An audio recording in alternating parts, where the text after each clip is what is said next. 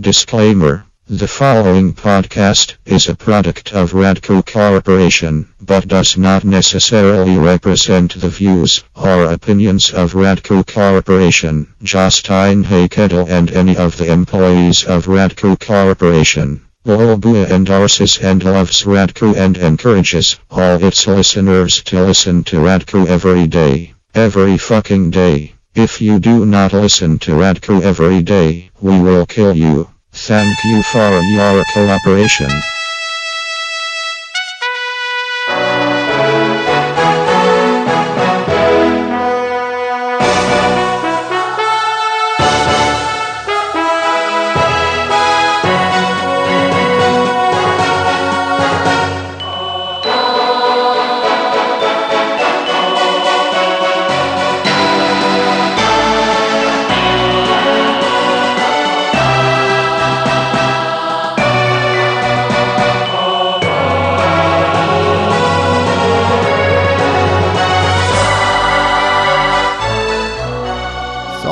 Ut når du starter Boot Hill Heroes, som er et Final Fantasy-aktig rollespill som foregår i Ville Vesten. Et eh, indiespill som jeg ikke har fått sjansen til å prøve ennå, men som, eh, som har strålende musikk som er blanding av Ennio Morricone og Nobio Uematsu. Laga av Jake Kaufman. Velkommen til Lolbua sommerspesial nummer to eller tre eller et eller annet. Eh, er dere med? Magnus og Lars? Det er, Nei. Nei, det er bare meg som er med. Lars Det er bare Magnus og en, eh, en impersonator til Lars som er med. eh, vi, hadde, jeg spilte, vi hadde en disclaimer i starten. Det var kanskje ikke så lett å høre hva den datagenererte Lolbua-roboten sa. Men han snakka i hvert fall om at vi er nå eid av Red Crew. Hva betyr det for noe, Lars? Det betyr at vi har vært i harde forhandlinger de siste ukene, og vi har blitt kjøpt opp for 500 000 kroner av Red Crew. Så eh, ja, sånn er det. Vi gikk for penger, beklager.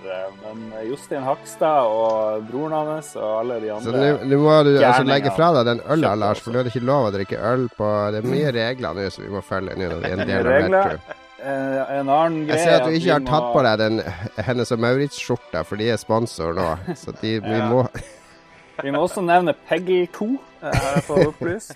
Nei, men vi er ikke, vi er ikke kjøpt opp av Red Crew. Vi, har, eh, vi fikk et tilbud fra Jostein om vi ville samarbeide med de, var vel heller tema. Og så sendte vi ut Lars som negotiator. og Det er omtrent som den der Per Spellemann-låten. Da går han ut med kua, og så kommer han hjem med ei fele. da. Så vi visste ikke helt hva Lars kom tilbake med. Men åssen gikk det i forhandlingene da, Lars?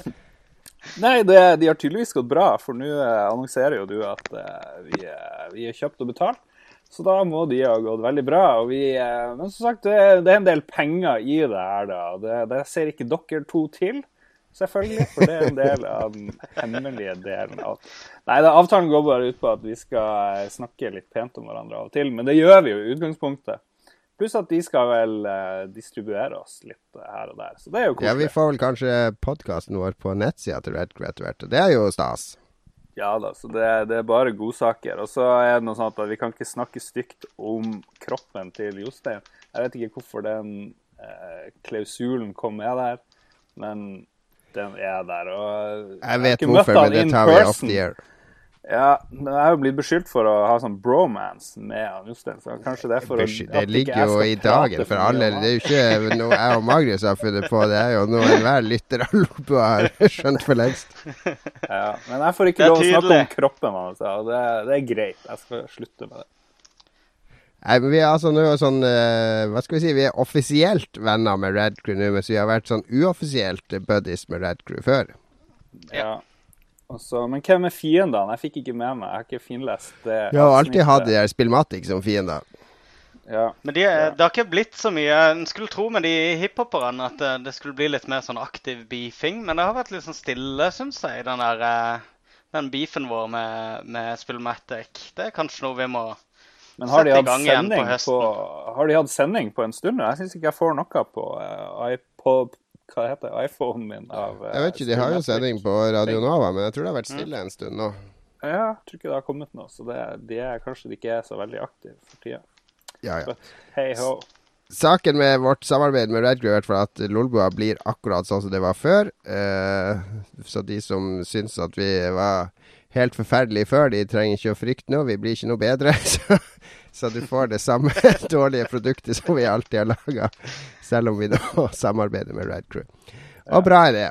Det er sommer, og det er, det er, sol i hele landet, har jeg skjønt. Det er en ganske unik eh, situasjon. Jeg sitter eh, Vi kan snakke litt om hva vi har gjort i det siste. Jeg kan begynne, jeg, da. For, jeg, for de som ser videoen nå, de ser at jeg har veldig sånn der eh, Det ser ut som jeg sitter i selveste rorbua her. Jeg sitter i et gammelt naust. Det er et ombygd naust. Jeg sitter rett over havet faktisk akkurat nå. Ut av vinduet foran meg så skvulper bølger inn her på Halsnøy, der jeg sitter. Det er en øy rett ved Stord. Og Stord ligger rett sør for, eller et sør for Bergen. Så jeg sitter på det glade Vestland. Uh, jeg har bada i dag. Jeg har spist uh, reke. Smørbrød, som jeg har pilla og laga sjøl. Jeg har uh, vært ute med båt og fiska de siste dagene. Jeg har uh, nytt sommeren her på Vestlandet, og, en god del gresspollen som jeg ikke har nytt like mye. Men uh, Men jeg har sånn halvveis sommerferie, og så har jeg rigga opp et kontor oppi Det er ganske lite av det ombygde naustet. Det er to soverom, og, og de stuene det er sånn ombygd båtrom og sånne ting. Så det, det er lite, så jeg rigga opp meg her på, på loftet i gangen utafor doen her. Eh, så sitter jeg, og rett under meg så sitter min svigerfamilie. Um, jeg kunne ikke si at jeg skulle opp og spille inn sånn eh, podkast. Så jeg sa at jeg skulle i sånn eh, styremøte med, med LOL, LOLcorp. Så vi, må ha litt sånn seriøs tone i kveld. Så det ikke tror jeg bare sitter og jatter og tuller og drikker øl. Som jeg jo egentlig gjør. Nei, men det er det jeg har gjort i det siste. Jeg har reist til Vestlandet med to unger, da. Kona mi er i Oslo og jobber, da, så jeg har helt fullt ansvar for de ungene. Og det er litt, litt mye å gjøre, men jeg har fått de i seng nå, så nå kan vi ha Lolbu. Bra. Hva med Nord-Norge? Hvordan står det til der oppe? Jeg hørte det var Jeg så at de drev og dansa regndans på NRK-nyhetene her om dagen for, fordi åkrene holder på å bli, bli, helt brune og ikke gi noe gress til kyrne. Ja, det stemmer jo egentlig. Det har vel vært eh, sånn 25 pluss nå siden eh, lørdag-søndag, et eller annet der i hugget. Så var det vel greit vær før. Og i dag var det ny varmerekord. 31,7 eh, grader var det her i byen i dag. Jeg ser at du holder journalistikkens fakkel høyt der oppe og prøver å, eh, å steike speilegg på biler og sånn i, i, i, sola. Mm. Det var eh, noen som kom på en god idé. Det var ikke min idé. Eh, min dårlige idé for en gangs skyld som ble filma. Så nå kjørte vi eh, hvor varmt kan det bli i bilen i løpet av masse timer i solsteken? Så det har vi gjort noe på. Konkurranse. Hvor varmt blir det i bilen? Og så har vi prøvd å steke speilegg på taket. Men vi valgte dessverre en grå bil, eh, som ja, okay. vi fikk mye kritikk for. Så, Hvor varmt ble det i den bilen, da? Eller må jeg klikke på saken for å få vite det? klikke på saken. Men for å få ta egget først, da. Det, det gikk veldig dårlig å steke egg på taket. Vi ba folk gjette der òg. Fikk masse respons. Og masse folk trodde vi skulle klare det. De mente det var bare å la det ligge lenge nok. Men vi hadde jo vaks, vaksa og vaska den bilen på forhånd, så egget bare det og sklei overalt. Så vi burde hatt en sånn oppdemmingsfunksjon for å Hvorfor holde gjorde det på plass. Hadde dere tenkt å spise egget etterpå? Var det planen, siden jeg vaska den så veldig først? Eh, nei, men det var vel Jeg vet ikke hvorfor. Det var noe måseskit igjen der. Uansett. Det er jo en sånn ordtak med at det er så varmt at du kan steike egg på, rett på ja. stein og sånn. Ja, du kan ja. Sånne Onsen-egg, som er sånne eh, posjertaktige egg som de lager i sånne varme kilder i Japan, de er på 60 grader. Ja. Og, da blir det liksom, og da blir det ikke helt Da koagulerer ikke eggehvita helt. Så du må ganske høyt Ganske mye høyere enn det. Ja, nei, så det gikk til helvete. Det bare sklei ned. Og sånn. Jeg så VG i dag, de kjørte jo sånn der eh, De putta en reporter inn i en bil og skulle se hvor lenge han holdt ut i, i solsteiken. Og det, det, det, er sånne, der, eh, sånne unger som dauer hvert år, som blir låst inn i biler i USA, og dyr og sånne ting. Det syns jeg ganske, var egentlig ganske drøy vinkling på det. La oss se hvor, hvor lang tid han holder ut inni her. nei, det må man få lov til det. Herregud. Det er jo sommer. Det er lite som skjer. Det er kun fotball-VM og noen mord og sånn, så da må vi ha det gøy. Ja, krig, krig, på Gazastripa og Ja, ja bare sånn er vanlig. Det er jo krig hvert år. Ja, det er skikkelig agurkkrig. Det starter av pressen.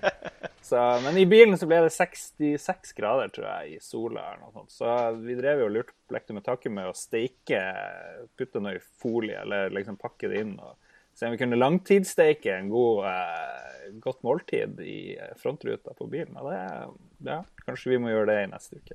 Gud, Det burde gå fint. Det kan du gjøre med eh, fisk, f.eks. Laks. mm, ja, Det, bør- det burde gå helt fint.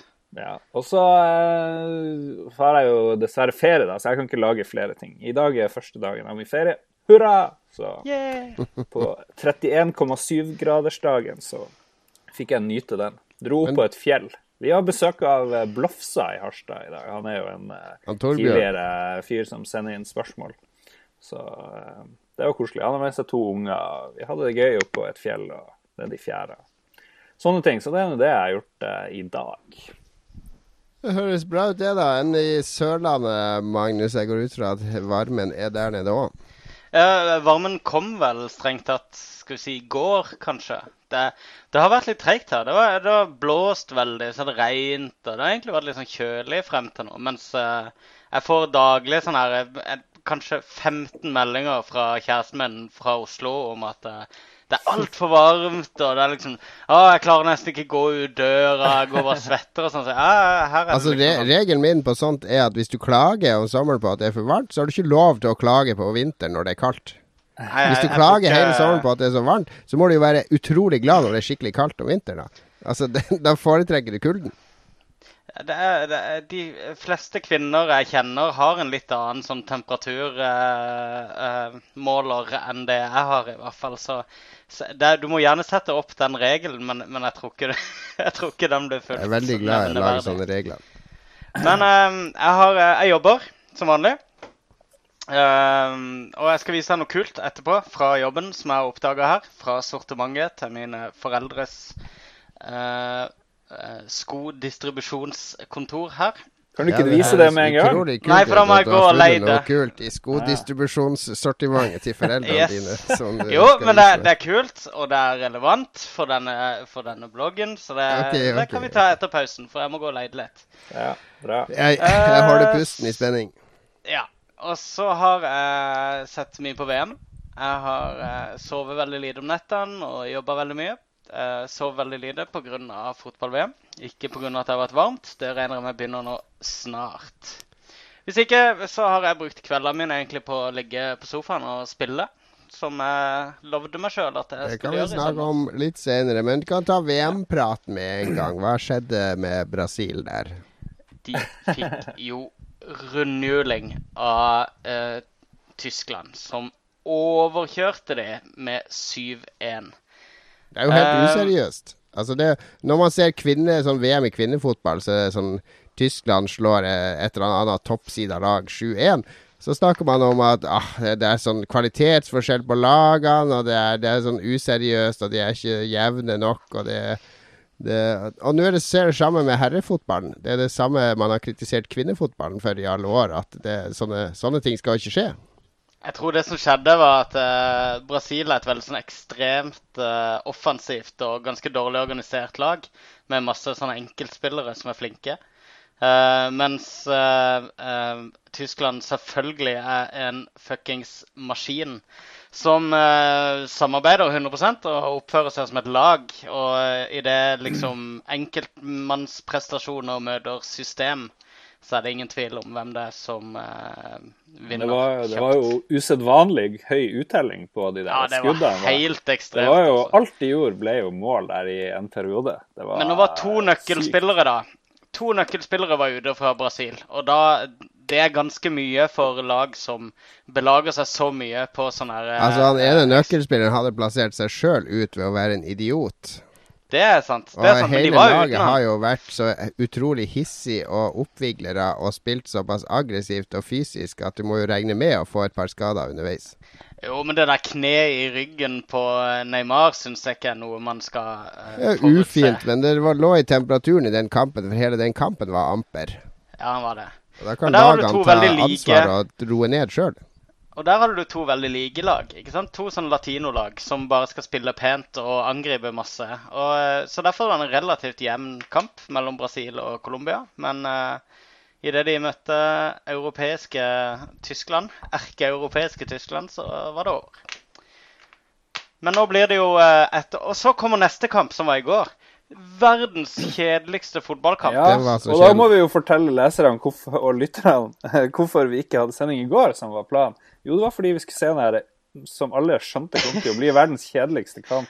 Det var fordi vi skulle kjede oss i to timer pluss en, eh, en eh, OK straffekonk. Det var, det var nesten så de spilte for å tape, fordi det er, det er mye kulere å knuse Brasil i bronsefinalen enn å bli knust av Tyskland i finalen. Definitivt. Jeg tror, eh, jeg tror Nederland kommer til å kose seg i den eh, bronsefinalen. Men tenk deg, da. Uh, altså, da, um, da Brasil hadde VM forrige gang, på hjemmebane, det var vel i 1950 eller 52? Det var i 50. 50, ja. Da tapte de finalen, og da begynte folk bare sånn Med en gang dommeren blåste av, da tapte de noe sånn 6-1 eller noe sånt. Nei, de tapte 2-1 mot Uruguay. Nei, tapte de ikke kjempemye? Nei, den store I sorgen i brasilsk fotball det er det 2-1-tap Ja, ok, på det var hjemmebane. 2-1. Ja, Uruguay, stemmer, de hadde Da var det på. Maracana. Det var 200 000 på tribunen. Ja. En tiendedel av Rios befolkning var på tribunen da for å se den kampen. Og idet dommeren blåste av, så begynte bare flere begynte bare å kaste seg ut fra tribunene og tok livet av seg der og da. What? Det, ja, det ble meldt om selvmord over hele landet. Og det, var, jo- det ble jo erklært folkesorg. Og de bytta ut draktene sine. De har aldri gått tilbake til hvite drakter. Men den traumen tror jeg ikke har ramma dem nå, fordi at i 30 år så har brasil brasilianerne, og nå snakker jeg om de ekte brasilianerne, vært misfornøyd med hvordan eh, organisert fotball er i ferd med å ta livet av den brasilianske ånden i fotballen.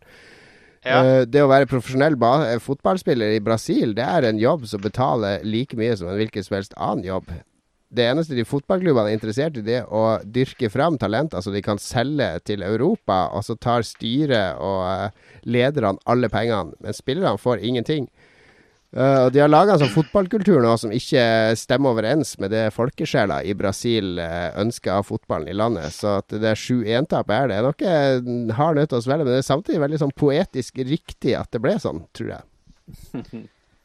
Jeg vet ikke det. Uh, det verste som kunne skje, var at eh, Argentina gikk videre til finale, og det skjedde jo. Uh, Det er nok kamp- et spark når de ligger nede, ja.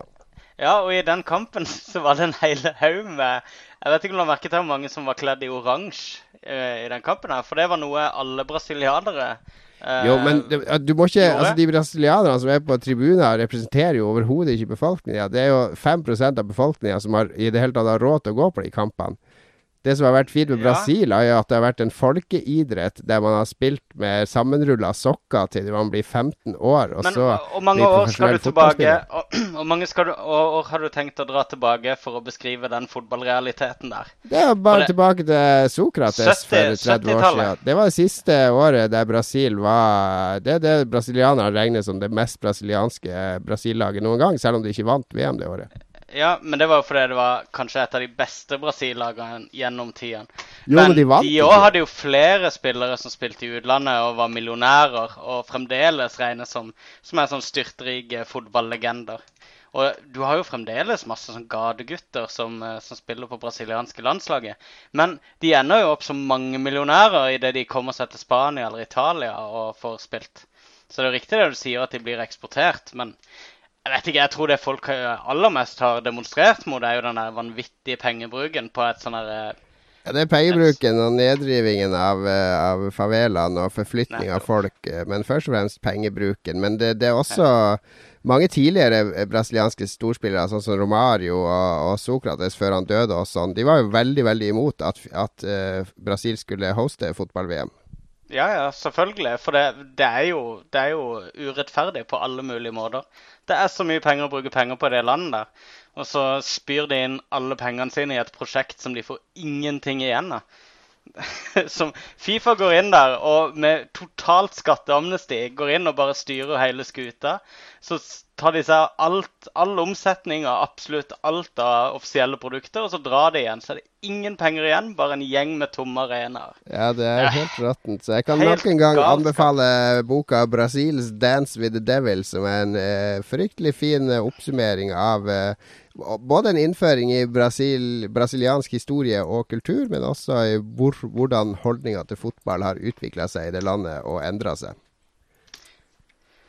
Yes, og da er vi ferdig med fotball-VM. vi må jo tippe, vi må tippe, vi må tippe hvem som vinner. Jeg ser Lars eh, holder på å sovne av her. Ja, men jeg tenkte vi kunne jo tippe hvem vi tror vinner. Er det noe, er det noe tvil? Er det noe tvil? Det må jo bli Altså, Tyskland. Eh, Argentina har vært helt sinnssyke defensivt. da. De har jo vunnet med ett mål, hva, fire eller fem kamper gjennom denne VM-et. her. Så eh, de er jo sikkert greit rusta til å holde tilbake, men jeg tror Tyskland vinner 3-1. Ja, Jeg tror blir- Tyskland vinner 2-0. Ja. Jeg håper de knuser de her argentinerne. Det blir jo Men det er jo mye tyske naziflyktninger i Argentina, er det ikke det? Akkurat Jo, som det var i masse. Brasil.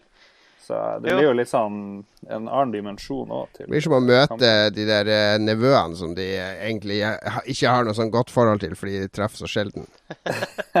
Barna til Martin Bormann og alle de andre som unnslapp. Jeg leste faktisk en lang sånn her reportasje fra eh, langt inne i jungelen der. Så har de Jeg husker ikke hva det heter, men det har navn. En sånn by de bygde midt inne i, i jungelen i Argentina. Eh, jeg tror det var Argentina, ellers var det Brasil. Eh, der de, som var et rent sånn raseeksperiment, hele greia. Det var massevis av slektninger av de toppnaziene som flytta ned der og skulle prøve liksom å generere et sånn her eh, 100% hvitt arisk uh, samfunn. Så jeg, jeg tror ikke det funka helt som planlagt. Men det fins der, altså. Det finnes nok. Vi skal over til eh, Vi mangler jo litt tema om sommeren, for vi er jo litt sløv. Så forrige gang så snakka vi litt om uh, spill som er fine å spille om sommeren. Nå skal vi snakke litt om andre ting som er gøy å gjøre om sommeren. Uh, det, mm, Gjerne litt sånn Jeg har prøvd å vri mitt mot litt sånn kreativt, kanskje litt spillrelatert. uh, mimring til ting jeg brukte å gjøre om sommeren. For hvis jeg skal ta meg først igjen, som jeg jo som regel gjør når det er servert mat og sånne ting, så, så går jeg alltid og forsyner meg først. Uh, nei, jeg brukte alltid um, Jeg var jo veldig sånn arbeidssky om sommeren, så at jeg hadde veldig sjelden sommerjobb. Det var hendte at jeg malte et hus eller noen sånne ting. Men aldri sånn at jeg jobba i to måneder og så dro tilbake til skole. Jeg var, likte veldig godt å sove lenge. og bare dille rundt og gjøre tullete, kreative, artige ting. Så noe som er morsomt å gjøre hvis man har mye fritid om sommeren, er jo å skape noe. Og vi lagde jo en sommer så lagde jo jeg og noen venner en eh, spillefilm som heter Dissident Aggressor, som ble en veldig, veldig uh, høyt anerkjent uh, nordnorsk uh, kultfilm som ble vist på eh, på flere militærleirer fast på intern-TV i flere år. Det var jo, vi brukte jo alle skrekkfilmklisjeene i boka. Vi brukte tre døgn på å filme den og et par døgn på å klippe den.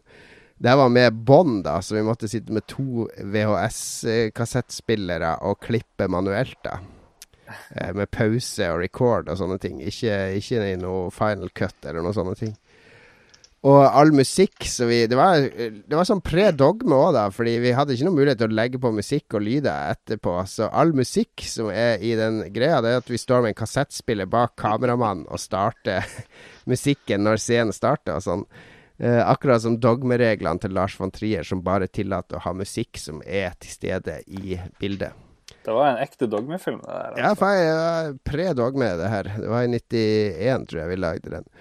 Det var veldig minneverdig sommer å skape noe sånt, og spesielt nå når vi er, alle vi er 25 år eldre og kan se tilbake på eh, hva vi gjorde de tre sommernettene. Vi filma kun om natta, og det er jo fordelen med å bo i Nord-Norge, er jo at du har dagslys om natta, så at du, du trenger ikke være redd for at dagslyset skal forsvinne.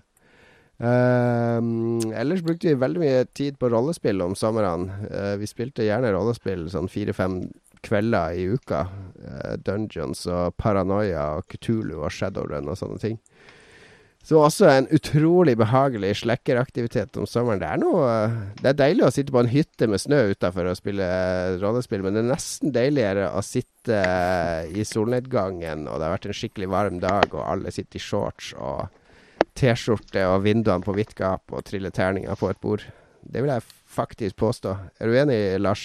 Absolutt. Rollespill eh, på sommeren. Papir- og eh, terningrollespill, altså. Ikke sånn datagreier. Det er konge på sommeren. Så det blir det sikkert her i, i Harstad òg. Jeg får besøk neste uke, og så broderen kommer. Og så er det en andre del eh, old school eh, nerds på plass her i Harstad. Så.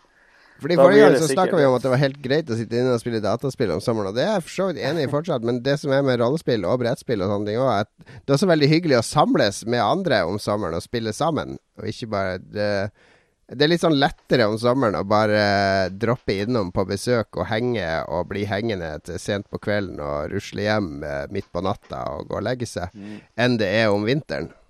Ja da. Jo da, det er ingen tvil. Og spesielt når du er i Nord-Norge hvor sola ikke går ned, så er det jo Man merker jo ikke hvor sent det blir, eh, egentlig. Jeg savner det litt. Eh, men jeg har alltid prøvd å instigere, introdusere nye rollespill og nye brettspill om somrene.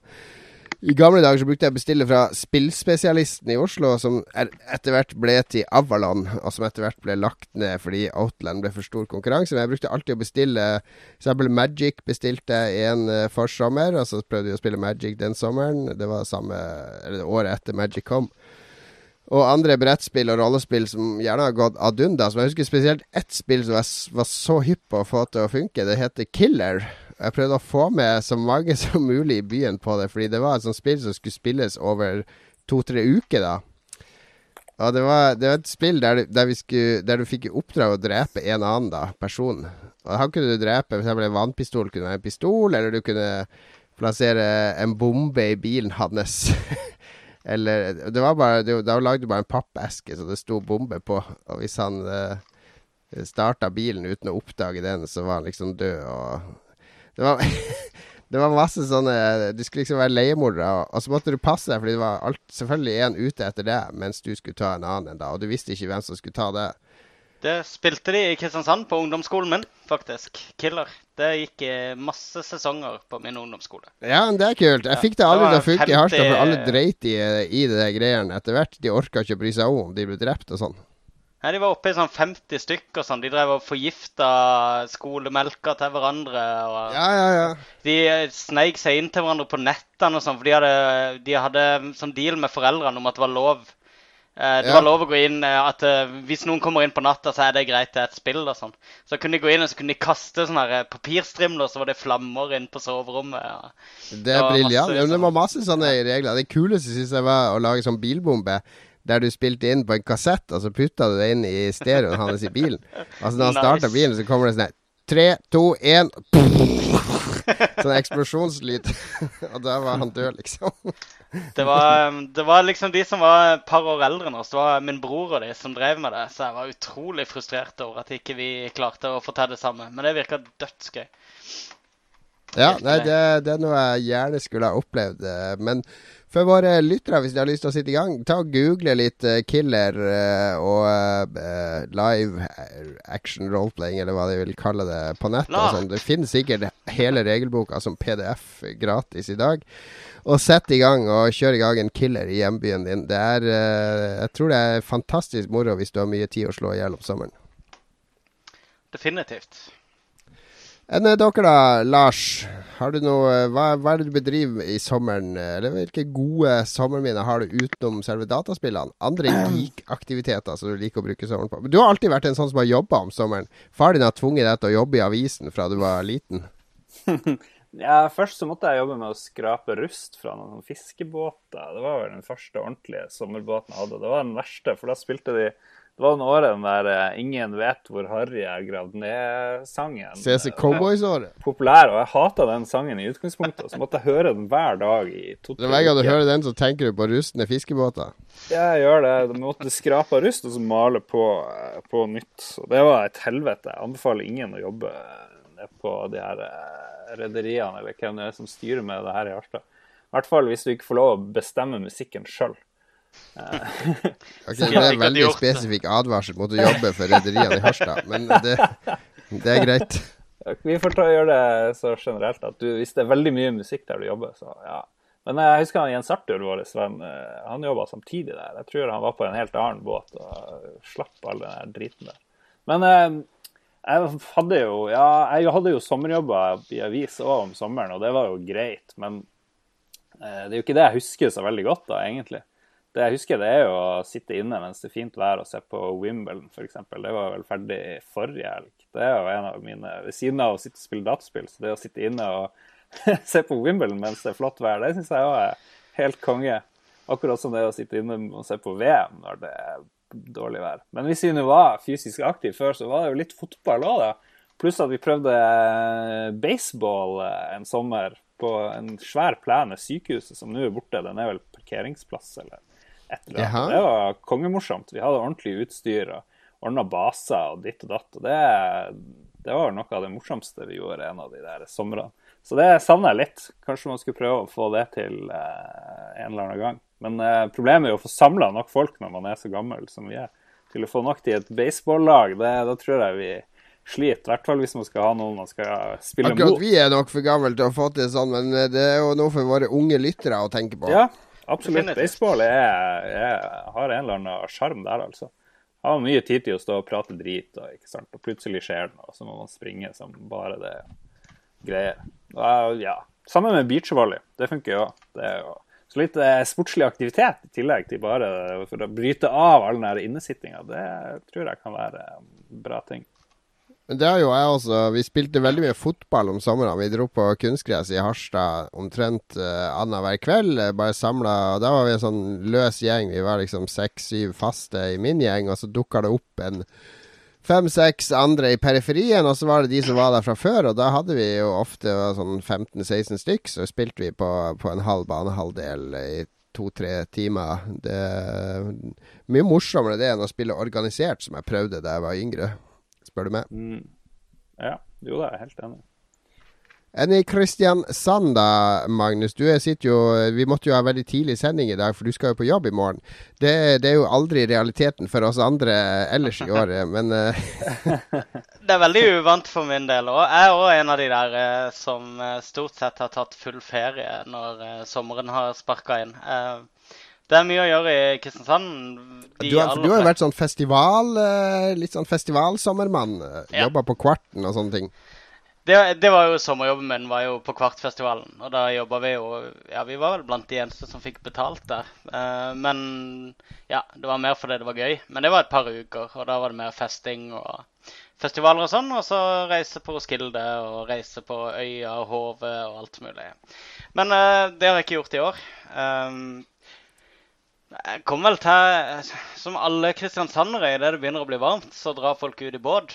Så er det ut på, ut på eh, Ut i skjærgården, finne seg en holme med noen kompiser og bade og drikke øl og grille og være der hele dagen.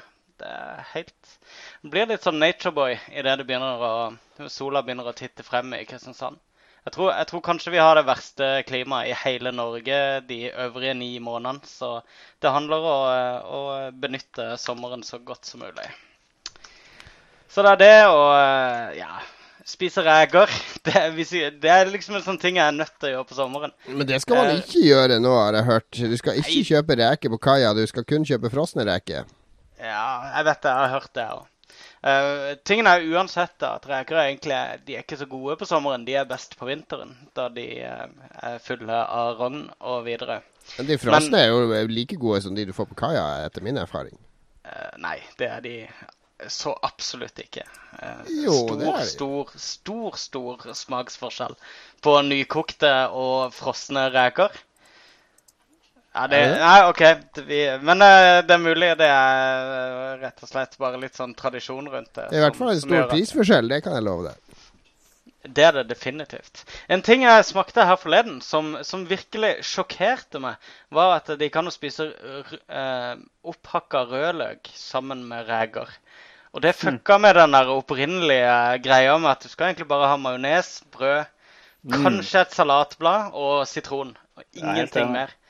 Men rødløk Dill- dill må Jeg, jeg kødder ikke. Nei, ikke dill på reker. Er du gal i hodet ditt? jo da, det går an med dillmajones. Det er lov, det. Jeg er ikke så glad i det. Men, uh, men rødløk, altså. Det var, det var en kompis av meg som fortalte at han hadde blitt anbefalt av en mandalitt nå i vinter. Og han sa liksom 'Jeg holdt på å slå han ned. Fucke med oppskriften'. så, Ja, men, men så har han gått sånn med der er, sånn er forskjellig fra Litt avsporing her nå, men sånn, for eksempel sånn rømmegrøt. Det er liksom sånn der eh, som mange bygder har kultur med å ha egne ting i. Ja. Og når jeg fikk Jeg var i sånn juleselskap med noen fra, fra Nordvestlandet. Det er vår felles bekjent eh, Anna. Og de skulle servere sånn tradisjonell eh, rømmegrøt fra Askvoll. Det var med bokstavkjeks, egg og rosin oppi. altså, hva, det ja. Man måtte jo spise for å være høflig, men hva, jeg, Det er jo deres tradisjon. Altså, Ja, det, det er helt det, grotesk ut. Jo, men dette er ikke en Mandal-tradisjon heller. Det var en som var sånn her Øy, øy, har du smakt? Tingen er, Min mor og de ble tilbudt det samme nå uh, i, uh, i vår, og de takka nei til det. De var ikke interessert i å smake det med løk. Så det er en veldig sånn her merkelig uh, Uh, Merkelig sånn Men du eh, som foodie, du må jo være interessert i å sprenge de etablerte Jo, jeg- barrierene og oppdage nye smaksopplevelser. Men jeg, jeg, er ikke en foodie, og jeg liker En ikke foodie- det uttrykket i foodist, da. Eh, men jeg er veldig glad i mat. Uh, men uh, jeg syns jo det var en god idé. Idet jeg hørte om det, så å ja, selvfølgelig. Hvorfor har jeg aldri, aldri i det hele tatt tenkt på det? Men det føles litt som å liksom å, å ha salt i vinen, liksom. Du, Da har du et oppdrag, da. Det er frem til neste Lolbu, Magnus. Så skal du ha prøvd rekesmørbrød med løk på. Ja, men jeg har spist det. Det er jo det jeg sier. Jeg spiste det Ja, i vinter. Og det var Og det var jo liksom en sånn her revelation for meg at det ikke an å kødde med, med det helligste vi har. OK, OK. Så det skal jeg spise i sommer i hvert fall. Det er i hvert fall eh, Men Og vi har også et eh, vann rett med der jeg bor, som er et stykke inn. Du må gå en eh, kvarter, 20 minutter innover i skogen. Hva heter det vannet? Det heter Buvann. Buvann. Buvann. B-u-v-a-n-n. Fantastisk sted å bade. Og eh, rimelig stort og eh, kjølig, men uh, varmt. Men jeg er ikke så glad i å bade i ferskvann. Det må Nei. være saltvann. Ferskvann føles så jævla skittent. Ja, men jeg, hvis vannet er stort nok, så, så føles det ikke så skittent. Men jeg bader jo i sjøen også. Men det er en Det er sånn mye deiligere å bade i saltvann. Ja, det er jeg enig i. Det er jeg enig i. Ja, Men det går jo ikke an i Norge egentlig så veldig ofte å bade i det saltvannet. Man må jo hive seg i ferskvann. Det er jo det er helt bader, utenkelig. du, ja, du bader i, i ferskvann frem til liksom fellesferien cirka, der det begynner Hvorfor går det ikke an å bade i saltvann, Lars? For det er For det er så kaldt. jævla kaldt. Ja. Nei, nei, nå er det 20 grader i vannet her på Vestlandet. Det går fint det er jo- å være ute i ti minutter. Men det, er- 20 grader er jo perfekt. Alt over Ja, eh, absolutt. 17 grader og oppover, det går fint. Ja, men nå snakker dere om sånn en liten del av landet hvor det er varmt ute i sjøen. Det er jo ikke sånn i resten av eh, Verden. verden. Ja. Jeg har da bada i Vi har jo stupt ute i Brurvika fra, fra den der eh, veggen nede i eh, vika der, der det er nesten umulig å klatre opp etterpå, bare for at vi skal være lengst mulig uti fordi det er så vondt å klatre opp. Så det går an å tvinge seg uti, men eh, ja, det er, litt, det er litt kaldere oppe i nord, det er jo det. Nå har vi ikke snakka om noe spillrelatert i rekordlenge, vil jeg tørre å påstå. Ja, vi har fortsatt 13 viewers, så det, jeg tror vi skal droppe hele det spillaspektet med podkasten vår. Det har tydeligvis ikke lykkes, så nå blir det bare en podkast om ingenting. Det er en sånn ingenting i Lolbua Ingenting i Lolbua som tilsier at vi skal snakke om spill, så det, da kutter vi det. Det er jo egentlig ikke det. Men vi skal i hvert fall ta en liten musikalsk pause, og jeg har funnet en eh, en nydelig sommersang fra Jerry Paper eh, som handler om det at han har lyst til å være en bølge, og det må dere innrømme, det passer jo egentlig veldig bra nå når det er sommer. Så vi tar en fire minutters eh, pause med eh, svalige synttoner fra Jerry Paper. Want to be the waves. I can only call infinity.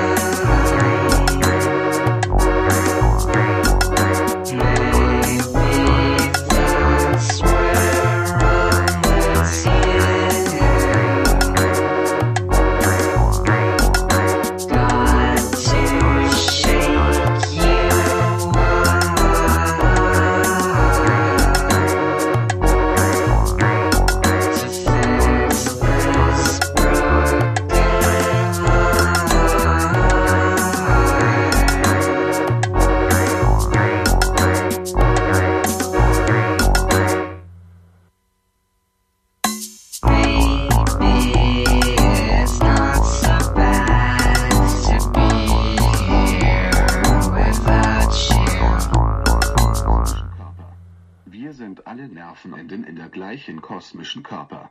Wir sind alle Nervenenden in der gleichen kosmischen Körper. Wir sind alle Nervenenden in der Her gleichen kommer kosmischen tyskerne inn på slutten for å feire VM-seieren på forskudd. Sigheim! Altså. Want to be the waves. Meget fin eh, sommer-EP. Og for alle de som er nysgjerrig på musikken i Lolbua, for vi spiller jo tre låter hver gang som er nøye utvalgt av meg, og kun meg. Ingen andre får lov å velge ut musikk. Det, mitt, eh, det står i min kontrakt at jeg skal få lov til det. Jeg bruker mye tid på å finne ny og spennende spillrelatert musikk. Det er mye gøy å oppdage på, på Bandcamp og, og andre steder, og vi linker, lenker alltid til musikken på lolbua.no. Og informerer også om hvor du kan kjøpe. Ofte kan du få musikken gratis, eller kjøpe den for en dollar eller to. Så det er mye, mye flott å finne på nett. Vi, er, eh, vi har fått beskjed fra vår nye sjef Jostein under eh, pausen at uh, han godtok uh, Han har i hvert fall tatt kontakt. Ja, han sa jo òg her at han skulle velge musikk fra nå av. Jeg vet ikke helt hvordan det går. Det ligger nå en artikkel ja. på radcrew.net om eh, at vi nå offisielt er venner. Oi sann. Oi sann. Jeg syns vi må tenke oss om en gang til nå, eh, om vi skal være med på det her. Nå er det for sent. Nå har vi stått på bryggekanten lenge og vurdert å stupe uti. Nå, det- nå har vi akkurat nådd det punktet der når du vet når du står og lener litt sånn fremover og tenker litt til nå, så hopper jeg uti det kalde vannet. Nå har vi akkurat kommet til det punktet der det ikke går an å skifte balansen tilbake. Er det for seint nå? Der du vet at snart treffer du vannet. Snart kommer kulda til å omsvøpe hele ditt legeme. Eh, det, jeg varsler at jeg er klar til å trekke meg fra Radcrew, eh, egentlig. Jeg begynner å ha second thoughts. Vi har fått sånn melding om kristent innhold og sånne ting, og jeg vet ikke. Vi må er, eh, avslutte annenhver setning med 'Gud er god'. Var det ikke det det ble til med den nye ordninga her? Inshallah. Ja. ja det må være litt eh, må ha, Alle må representeres. Alle religioner skal være representert i alle sendinger. Er ikke det en sånn NRK-ting også? Alle religioner skal være representert i alle sendinger. Yes. Jeg tror det er en greie der. Er det sånn i NRK? Wow. Nei, det er ikke Ja. det. Det er muligens en greie i NRK, men det er ikke en greie i Lolbua ennå. Det som er en greie i Lolbua fortsatt, det er at vi har nyhetsinnslag lest opp av, av vår eminente nyhetsoppleser Magnus. Og ifølge de nye Red Crew-reglene så må du begynne å lese på stavangerdialekt, Magnus.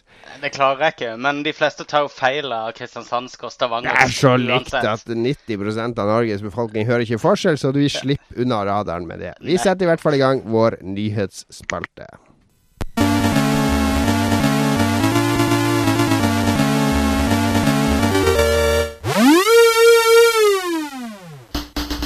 8 millioner vaktbikkjer. Ubisoft melder om at Watchdogs så langt har solgt 8 millioner spill. Det betyr at Ubisoft av- Altså av Watchdogs. Det betyr at Ubisoft har stor tro på å etablere spillet som en serie på lik linje med Assassin's Creed. Lolbua foreslår at de utforsker dyreriket i større grad i oppfølgerne, og foreslår Watchcats, Watchbirds og Watchfish. Hmm. Watchfish. Ja, Eh, watch bird. ornitologi, er det ikke det fuglekikking kalles? jo, det høres riktig Jeg vil tro det finnes et sånt spill allerede, i hvert fall en app. Ja. Definitivt. Der ser jeg et uh, saksøkingspotensial. Hva skal vi si om det? Eh, Åssen ligger spillene på Metacritic, f.eks.? Det har jeg ikke sjekka. Uh, men åtte millioner solgte, eh, det må vel sies å være en heidundrende su- salgssuksess, må det ikke det? Det er veldig bra, det. Det er ikke mange spill som selger over fem millioner. Nei. Så eh, da Ja, altså det ligger på 77, 78 og 80, avhengig av plattform. Men hva kan de gjøre med Hvis, hvis det her skal bli en serie, da, så er det jo morsomt å spekulere i hva de kan gjøre ut av det. Med Assassin's Creed så har de jo hoppa mellom tidsepoker. Eh, beholdt liksom kjernegameplayet, bare variert omgivelsene litt, utvida litt, eksperimentert litt. Hele tida lagt inn nye ting. Eh, I fi, fireren var det jo de sjøslagene som så vidt ble innført i treeren. Sjøreiser ble mye større element. Eh, Hvordan skal de gjøre det samme med Watchdogs? Fordi det her er tross alt Ubisoft det er snakk om, og de følger Hvis de finner en suksess, så følger de formelen i oppfølgerne. Og Det vil de jo gjøre med Watchdogs. Skal de bare legge det til en ny by? Skal de De kan jo ikke reise tilbake i tid eller andre tidsepoker hvis de skal beholde Det blir, det blir jo helt sikkert bare at eh, Hva er det der denne gangen? Chicago? Ja. Så tar de en eller annen sånn her, eh, by som ikke er så mye representert, men som sånn her Pittsburgh eller et eller annet sånt her greier. Og så, eh, og så lager de expansions med eh, småbyer som, eh, som det går an å reise til utenfor. Jeg har Hello. ingen Jeg mener jo at spillet var årets største skuffelse så langt, som jeg sa Det har vi snakka om så- før. Vi skal ikke ta Ja. det nå. Vi skal heller spekulere litt i hva de kan Jo, gjøre nei, med det som en franchise. De kan jo ha Watchdogs Fargo. Det hadde jo vært litt interessant. Eh, Ta det litt ned på sånn Det er ikke så mye folk, da, men alle har en stor hemmelighet. og Noen går rundt og Ja, det kunne vært noe. Sånn Twin Peaks-setting. Der alle går på sånn grusomme hemmeligheter. Går, ja, det, det, det hadde jo vært interessant. For så vidt. Kanskje de kan ta sånn eh, og eh, fusjonere det med, med eh, en annen av seriene sine som kanskje er litt død nå, Splinter Cell. Fordi siste Ja. Splinter Cell-spillet ble vel sånn OK mottatt. Jeg vet, vet ikke hvor bra det solgte, men kanskje det, det går jo litt på det samme med overvåking og uh, regjerings Uh, government operatives og litt sånne ting. Uh, jeg ser et crossover-potensial her mellom Watchdogs og Splinter Cell. Ja, og Desmond-delen av Assassin's Creed kan de jo lett legge over der, hvis de bare henter han inn igjen. Den er det jo faktisk referert til i Watchdogs allerede. Det er jo en sånn dude Ja. som rømmer fra det ene nåtidsgreier i det ene spillet, som dukker opp i Watchdogs-spillet. Å ja, det har ikke jeg fått med meg. Det, ja, det er jo litt morsomt. Men, eh, Ja. men sånn her, det her overvåkningsgreia, begynner vi å bli lei det allerede? Jeg vet ikke. Det- Jeg syns liksom det var kult når den der eh, Will Smith, Gene Hackman-filmen 'Enemy of the State' kom. Da var det liksom sånn Når var det? 2001 eller noe? Da var det liksom et sånn friskt nytt tema. Uh, Matrix har litt drept hele den der interessen min for, uh, for Watchdogs-tematikken, må jeg ærlig innrømme. Ja, det tok vel helt av da Infamous Second Son ble lansert, og de kun fokuserte på eh, overgrep fra staten, og så har det liksom akkurat så- og at alle er overvåka, og hvor mange kamera det er i London. og da hadde jo ingenting med spillet å gjøre, egentlig, bortsett fra at du kunne fære og ødelegge noen kamera i selve spillet. Så det, Ja, de spillselskapene tror jo at det her er hot shit, i hvert fall. Ja, de liker vel eh, De store selskapene liker vel å gi ut uh, uh, spill med uh, en message som er 'fuck the corporate'. Mm, fordi ja. de tror de liksom treffer, treffer fansen, treffer kidsa på hjemmebane. De går jo etter målgruppe, de vet jo hva de gjør. Men det er jo Ja. Ja, det hadde vel heller sett at de hadde prøvd seg på en helt ny IP enn å videreføre Watchdogs. Fordi selv om jeg likte spillet veldig godt, så ser jeg ikke at det er Det er ikke det samme potensial som du har i Assassin's Creed, der du egentlig kan variere uendelig med setting og, og atmosfære og alle mulige sånne ting. Men tror du ikke, når du kjenner Ubisoft, at uh, idet det spillet ble pitcha inn til Ubisoft-toppene for å begynne å finansiere det, at ikke det sammen med ideen til selve spillet også ble uh, pitcha en tiårsplan med en oppfølger? Jo da, det vil jeg jo absolutt tro. Jeg vil jo tro at de de, de satser gjerne på sånne småting som Val Valiant Hearts og sånne ting, så lenge det er små budsjetter. Men de storbudsjettene er jo laga for å bli eh, serier hvis de lykkes. Ja, nettopp. Så de har nok en plan. Det er nok bare eh, andre ledd i planen som iverksettes nå. De har nok en plan. Det er flere som har planer, inkludert Microsoft. Microsoft bestikker fansen. Som et ledd i den desperate kampen om å ta igjen Sonys PlayStation 4-salg, har Microsoft beslutta å lokke med gavekort på 75 dollar til de som beslutter å oppgradere fra Xbox 360 til Xbox One. Så de som dyrt og hellig har lova at de ikke vil ha en Xbox One, selv om de får betalt for det en gang, får nå sin, oppføl nei, sin overbevisning satt på prøve. Ja vel. Mm. Eh, Ja vel, ja. er det i Europa òg, eller er det kun i USA? Det, ble, det som var nyheten, da, var at det ble bekrefta for England også, eller Storbritannia i dag. Uh, det er ennå ikke superdetaljert, uh, den uh, ordninga. Vi vet ikke helt hvem det er de tar kontakt Det er liksom foreløpig utvalgte som har fått tilsendt som beskjed fra Microsoft om dette. Men ideen er vel at, eh, at eh, folk får et gavekort de kan bruke på spill, apper eller whatever online på Xbox Store hvis de oppgraderer fra 360 til One. Så eh, hva tror vi om det? opp, hva betyr oppgradere? Altså, det betyr bare at hvis du eier en Xbox 360 og kjøper en Xbox One, så får du 75 dollar. Er det det som betyr? Ja, riktig. Ja. Oppgradere, Hvis jeg oppgraderer PC-en min, så bytter jeg ut komponenter i den. Jo, men det kalles på eh, Det kalles ikke å oppgradere og kjøpe en ny PC.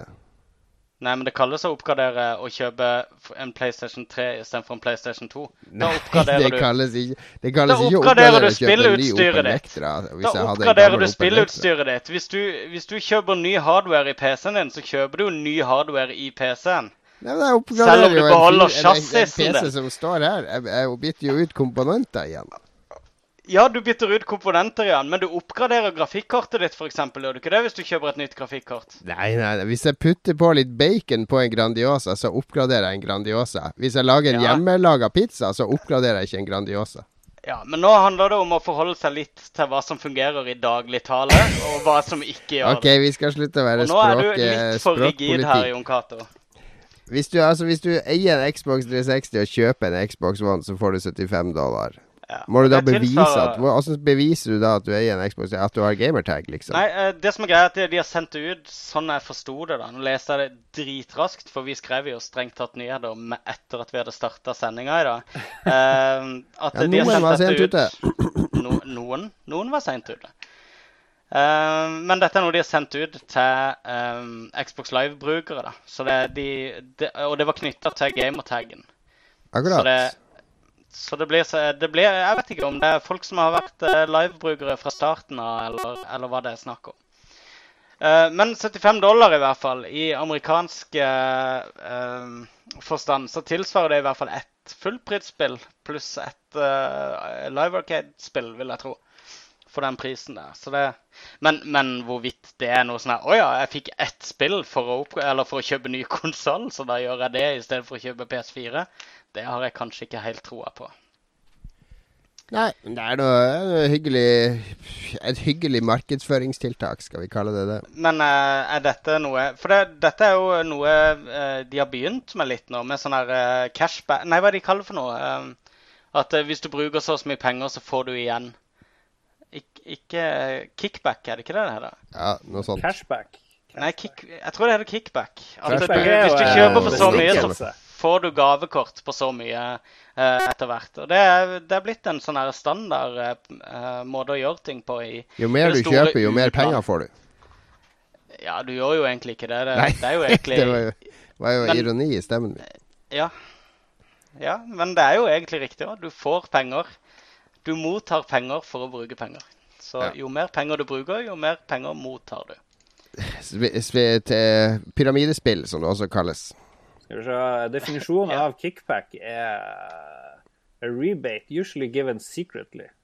Og så er det usually considered improper or unethical. Jeg tror det, jeg tror det er kickback. Det er kickback.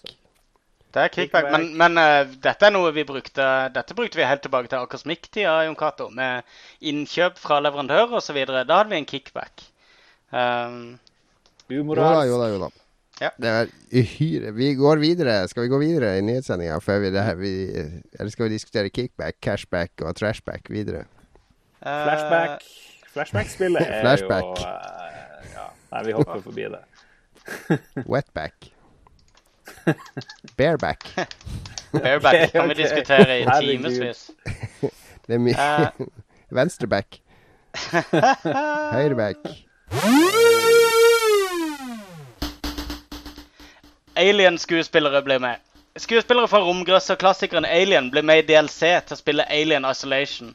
Men du får kun dette bonusmaterialet hvis du forhåndsbestiller spillet. Fuck det. Ja, men Ja, det er jo bullshit. fortsatt, altså? Ja, Det er jo nei, 40 jo- år, 30 Det er jo 35 år siden, er det ikke det? Ja, hun må være rimelig gammel, altså. Men, eh, men hva er det der med å gi bra DLC til kun de som, får, de som forhåndsbestiller? Hva er- poenget? De sier Poenget det er å få folk til å forhåndsbestille. Ja, men de faen slipper det jo seinere. Det blir jo tilgjengelig etter hvert. Jo da, det blir jo kanskje det, men det bare irriterer meg. Altså, all sånn preorder-DLC blir jo tilgjengelig for å kjøpe etter hvert, gjør det ikke? Ja, ja, ja. Det er jo det de gjør. Uh, jeg tror hele den der preorder-greia er litt sånn oppskry... Eller er litt sånn på vei ut. Jeg, det, det begynner å bli så veldig desperat nå at det, Jeg syns det blir mer og mer av det, Ja, egentlig. Ja, Ja, det gjør det, og- På de store spillene så er det den sikreste indikatoren de har på hvor mye det kommer til å selge. Ja. Eh, når de starter preorder, de gjør det jo gjerne ett eller halvannet år før spillet kommer. Ja. Så ser de allerede i løpet av de første månedene hvor mye mer penger de skal bruke på spillet. Hvis det får enormt mye preorders, så kan de ta seg enda bedre råd til å gjøre ting bedre, og svær markedsføringskampanje osv. Problemet er at det har begynt å gå inflasjon i de der preorder-bonusene. For de begynner å dele ut så sykt mye eksklusive ting til Altså, du må kjøpe Hva var det eh, Var ikke det Watchdogs? Du måtte kjøpe noe sånn elleve ganger hvis du skulle få alt av Jo, det er alltid sånn med. Assassin's Creed og de tingene der. Det, det, det er jo helt eh, Jeg vil jo gjerne ha den versjonen som har minst innhold, sånn at jeg kommer meg gjennom det. Så var det jo nyhet om at eh, GameStop, eller hvem det var, hadde lyst til å være med og liksom bestemme mer over spillet, eller i hvert fall sin DLC. Jeg vet ikke om det er blitt tilbakevist, da, men det, det er vel det neste skrittet, selvfølgelig. Ja, selvfølgelig. Det, det er jo den veien det går. Uh, altså, Da kan jo de diktere tilbake. Men de får jo Altså, jeg syns og Det har de jo drevet med ganske lenge i USA, det der med eksklusiv DLC per butikkjede. Ja. Det er litt ekkelt, syns jeg, åssen det knyttes opp Hva mot tror du. Magnus, at vi hadde fått i Akersmikk hvis eh, vi hadde eksistert fortsatt av eksklusiv DLC? Vi hadde Ja, vel fått det en sånn caps eller et Ja, eller en sånn svart T-skjorte. Med sånn trykt sånn- Logoen til spillet er trykt litt sånn skjevt på. Yes. Det tror jeg kanskje vi hadde fått. Det, sånn hadde det vært. Vi har en siste bonusnyhet som skal leveres av Lars, ikke av Magnus, faktisk. Oi. Får jeg, får jeg lyd òg? Er det Du såpass skal få lyd. Tegneseriesensasjon. Tidligere gjest Jens K. Styva har gitt ut tegneserien Cabin Fever. Den, Woho! Gratulerer, Gratulerer, Jens. Ja, ja, absolutt. Og den har jeg lest, og den er kul. Og den kan man få kjøpt eh, digitalt. Og jeg vet ikke om man kan få kjøpt den på papir. Jo, han er selger den fysisk også. Ja, akkurat. Ja. Og den er på engelsk, så folk Eller den er vel ikke på noe språk, men introen er i hvert fall, som jeg leste, er på engelsk. Også. Ja, det er kult. Jeg, har, eh, jeg ser også at vår gode venn Jens Han selger jo artwork fra de tegneseriene han lager òg, da. Så du kan kjøpe en sånn original håndtegna side fra serien. For det koster jo noen hundrelapper, men det er langt kulere å ha en original tegneseriestripe på veggen sin enn en sånn råtten Pulp Fiction-plakat som jeg husker Lars hadde oppe på studentbyen på Sogn. Og jeg har, jeg har synda der òg. Jeg har hatt mye rart på veggene mine Ja, som jeg kjøpte i plakatbutikken. Det kuleste jeg hadde, var Samantha Fox-plakat og eh, Rambo 2-plakaten, hvor han står der med Hvilke plakater hadde du på gutterommet når du var ung, Magnus? Eh, Da var aller minst, så var det Creation, som ble bytta ut med Samantha Fox. Og så forsvant Samantha Fox til en hel haug med hiphop-plakater. Frem til det ble uh, Bilde av Ja, masse svarte, sinte menn på veggene dine. Ja, det var, det var det det ble etter hvert når jeg ble eldre. Mye okay. sinte politiske svarte menn. Jeg hadde en gang eh, klippet ut et bilde av Sandra Kim, som jeg hadde over eh, senga mi. Hun er Grand Prix-syngedama fra Belgia, eller hvor hun var fra. Hun syns jeg var så utrolig eh, het. Da vet vi hva avslutningsmusikken blir i dag. Det blir Sandra Kims gamle sleger, som ingen husker hva heter lenger. Ja, Det var det vi hadde av nyheter denne gangen. Eh, Kjøp serien til Jens, for guds skyld. Eh, Den er megakull, megakul. Det jeg har sett av den. Lars har lest hele og går god for den. Vi har fått inn noen lytterspalt, eh, lytterspørsmål i sommervarmen. Uh, vår Kan jeg aller først si hva sangen til Sandra Kim heter? ja. Den heter Shem La Vie. Ja, det var det. Shame, shame, levi. Yes. Du, du, du, du. Lars, du trenger ikke å finne den på YouTube og begynne å koble inn og ut lyden din og ødelegge hele lydopptaket ditt og få en copyright infringement på sendinga vår. Lover, lover ingenting. Lover ingenting. Skal sjekke med Jostein først. Lytterspørsmål. Confusus90, aka Jan Christian Hegel, eh, lurer på hva vi spiller i sommer for å holde oss kule og avslappa. Eh, han er nemlig på adventure-kjøret når det er sommer, og det skjønner jeg jo egentlig godt. Eh, han spiller The Wolf Among Us akkurat nå, men adventure-spill er jo spill du kan sitte med beina oppå bordet. Eh, godt tilbakelent, eller sid litt sånn sidelent hvis du spiller med mus og sånne ting. Men det er i hvert fall spill der det, der det er deilig å lene seg tilbake mens man spiller. Ja, jo, det er jeg enig i. Jeg syns det var et godt eh, forslag. Nå har det vært så vanvittig varmt dette. Jeg har nesten ikke spilt nå i, det siste, så jeg vet ikke helt hva. Det som du skal spille når det er 31,7 grader ute, det er absolutt ingenting. Da må du bare get the fuck out of there, egentlig. Det er mitt råd. jeg, jeg kan si hva du i hvert fall ikke skal gjøre. Det er det jeg har gjort. Det er å ligge på en skinnsofa og spille i den varmen her. Det anbefales ikke. Det krever full påkledning for i det hele tatt være i stand til å reise seg fra det der eh, klistrete, kvalme lærsofaen som Jeg har alltid vært fan av å spille på DS når det er utrolig varmt, for det, det går faktisk uh, greit i varmen. Uh, Mm. Det er uh, lite motorikk, egentlig, og så hvis varmen er plagsom òg, så kan du holde fokuset, fokuset såpass nært nesen din at du klarer å stenge ute litt av den varmefølelsen. Det syns jeg er mye verre når jeg sitter og ser på en TV.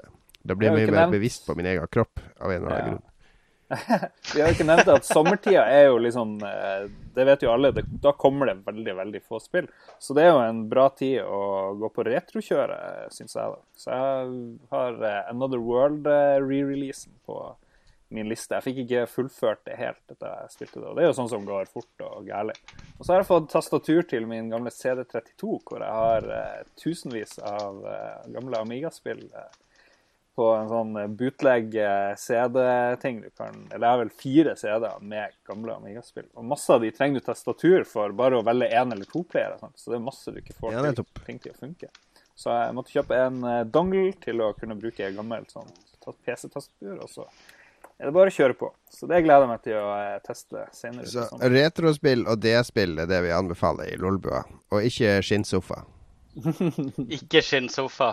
Men her, han, eh, han, eh, Hegel fikk også en, en oppfølger, en som svarte på hans uh, spørsmål da. Og nå ser vi effekten av å slenge oss inn i Radcrew Corporation her. For plutselig så kommer redaktøren for gamer.no, han Tor Steinar Tangedal, inn og vil bidra til Lolbua. For uh, nå er vi plutselig blitt attraktive å tweete til. Og han, han skriver at han alltid alltid spiller Transport Tycoon Deluxe eh, i, eh, om sommeren. Og Defense Grid.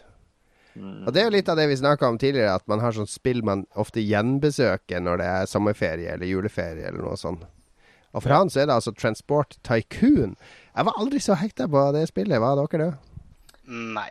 Jeg, jeg kasta fram eh, strategispill ganske tidlig i løypa der. jeg. Spilte vel etter Ja, men, har, jeg, ja, men det, det kan jeg godt være med og Det kan jeg godt være med på. Jeg, jeg har ikke hjernen til, til det der med uh, store, stor strategisk oversikt over uh, sånne konsepter som det der. Det har jeg alltid slitt med. Du har aldri vært på Civilization-kjør og sånne ting? Jo, Civilization har jeg spilt mye. Uh, Og XCOM og og XCOM også, men XCOM er jo litt mer sånn squad-basert. Det er todelt. Strategi og taktikk, da. Ja, du har, og der, du har litt basestyring, men det er ikke så, det er ikke så tungt, da. Men Mens for- uh, For, meg og, for meg og alle andre som ikke vet hva Transport Tycoon er egentlig, hva, hva i all verden snakker Det var et spill der du skulle lage sånn transportselskap, hvis jeg husker rett. Og så kunne du transportere varer med biler og tog og etter hvert fly. Og så var det, bare var sånn 3D-isometrisk grafikk, da. Så Ja, det det ser er veldig ut lenge siden jeg spilte. Jeg husker ikke, Du bygde vel veier og jernbaner og sånne ting, og så sendte du ja, det ser ut som Det ser ut som gamle SimCity, eller uh, egentlig det, det er den sjangeren, da. Utrolig flott midi-musikk i det spillet, faktisk. Det er Ja, det. det stemmer nok. Men det er flere jeg kjenner som har det som favorittspill. Jeg tror vår uh, felles venn Magnus uh, Erik Fossum fra, fra Dagbladet, han tror jeg også er en gedigen uh, Transport Tycoon-fan. Så det er ikke noe spill man skal disse på lufta. Da tror jeg vi får mange haters. Det vil vi ikke ha. Det vil vi ikke ha. B. Seromus heter han på Twitter. Jeg vet ikke hva han heter på ordentlig, men han lurer i hvert fall på hva vårt Han har et sånn artig bilde av et egg som profilbilde, ser jeg her. Det var, det var artig. Originalt! Hvor fant du det bildet hen? Hva er vårt favoritt JRPG og favoritt western RPG? Og hva er best, japanske eller vestlige rollespill? Her er en brannfakkel. Her, her må man trå varsomt, Lars. Oi, oi, oi. Skal du begynne, Lars? Ja, Det er jo ikke noe spørsmål. Det er jo selvfølgelig japanske rollespill. Ta, ta nå er først best. dine favoritter i enhver sjanger, og så kan du argumentere med hvorfor du velger den ene sjangeren. Det var kanskje fordi jeg ikke hadde noe Nintendo før. Sant? Da var det jo eh, vestlige rollespill som var egentlig det eneste jeg hadde tilgang til. Eh, Så eh, jeg vet ikke hva vi skal definere rollespill som helt før back in the days, da. Men når det kom eh, plutselig sånn Suikoden og Final Fantasy 7 og den greia der, da ble jeg jo helt uh, overgitt og syntes at det var noe av det kuleste jeg hadde spilt. Så det har jo holdt seg litt. Og min en av mine favorittopplevelser så langt i år, det var jo å spille på nytt Final Fantasy 10. Så jeg er jo definitivt i den her japanske greia. Definerer vi Hva er liksom definisjonen på et vestlig rollespill? Er det, Det er lagd i Vesten. det er Dragon Age, for eksempel. Skyrim er, er jo vestlig rollespill, liksom. Ja, Ja. ja, ja, ok. The ja, men Witcher da- og Mass Effect. Men det fins liksom ikke noe tilsvarende rollespill i eh, Japan med, med Skyrim, gjør det det? Det er liksom sin egen sjanger, nesten, egentlig. Nei, men det er det som gjør det til vestlige rollespill. det er derfor vi deler det i to sjangre. Ja, fordi vestlige rollespill handler jo i veldig stor grad om å la spilleren definere eh, sin egen eh, karakter eller rolle i spillet, og, og gi han frihet til å utforske spillet på egne premisser, mens japanske rollespill handler i stor grad om å lose spilleren gjennom en historie og en Ja. veldig fantasifull verden. Mm. Ja, nei, jeg tenkte mer på sånn Dragon Age og liksom den eh, typen vestlige rollespill. Men da, da Det er jo ikke så mye som er bedre enn Skyrim, da. Det må jeg jo bare innrømme. Så nå ble jeg plutselig veldig usikker og overlater VM-ballen videre, mens jeg tenker litt på det. Ja, Magnus, hva, hva, hva er du eh, som innspill her? Nei, eh, som Lars så mener jeg òg at eh, JRPGs eh, stagnerte for i hvert fall 15 år siden. Eh, så eh, hvis jeg skal gå ut ifra uh, opplevelsene med spillene der og da, så vil jeg vel si at uh, Final Fantasy 7 er liksom Det er definitivt det peaka for meg mitt syn på JRPG. Så alt. Det var liksom på topp med det spillet der. Det var en helt utrolig opplevelse å runde det i sin tid. Uh, på vestlige, så igjen, hvis jeg går ut ifra opplevelsen der og da, så tror jeg kanskje det var For det Ja, da var jeg liksom ikke helt i gang i spillbransjen. Jeg var ikke så veldig blasert ennå. Og Nights of the Old Republic det var, det var en stor opplevelse for min del. Ja, det var stort. Det var stort. Ja. Men uh, jeg kan nevne World of Warcraft også, hvis, jeg skal, hvis vi tar inn MMO-er i western RPG-sjangeren. Som kan diskuteres litt. Ja, jo. Nei, for RPG-sjangeren er jo eh, ganske stor, da, egentlig. Så det blir mye, mye underkategorier. Ja, mye... men hvis vi regner det inn som en sånn singleplayer-opplevelse uh, Og da vet du Du vet jo hva JRPG er, ikke sant? Det, Mm. det, er, det er vanskelig å ikke plassere noe i den sjangeren hvis du Men det, det er interessant, hvis du ser på det fra et litt sånn historisk perspektiv, så er jo Det var jo Ultima, eller eh, Lord British, som starta egentlig hele sjangeren med, med Ultima 1 og det han lagde før det. Og så var det faktisk en amerikaner som introduserte den sjangeren til Japan via Jeg tror det rollespillet het Black Onyx, og det var vel Hank Rogers. Hvis jeg husker feil, rett, det kan være at jeg husker feil, men det var i hvert fall en amerikaner som lagde det første eh, såkalte JRPG-et. For han lagde liksom Ultima for et eh, japansk publikum. Og i starten, på 80-tallet, så var de to sjangrene nesten helt identiske. De var litt sånn tekstbaserte, og du skulle utforske og tegne kart, og det var et party som levela opp og fikk nye spills og ferdigheter osv.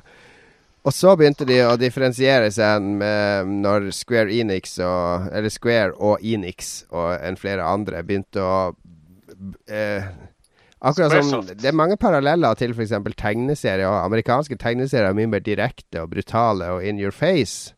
Mens japanske tegneserier har mye mer sånne paneler der det ikke skjer noe, som bygger stemning og skaper atmosfære og, og skape settinger for det som skjer.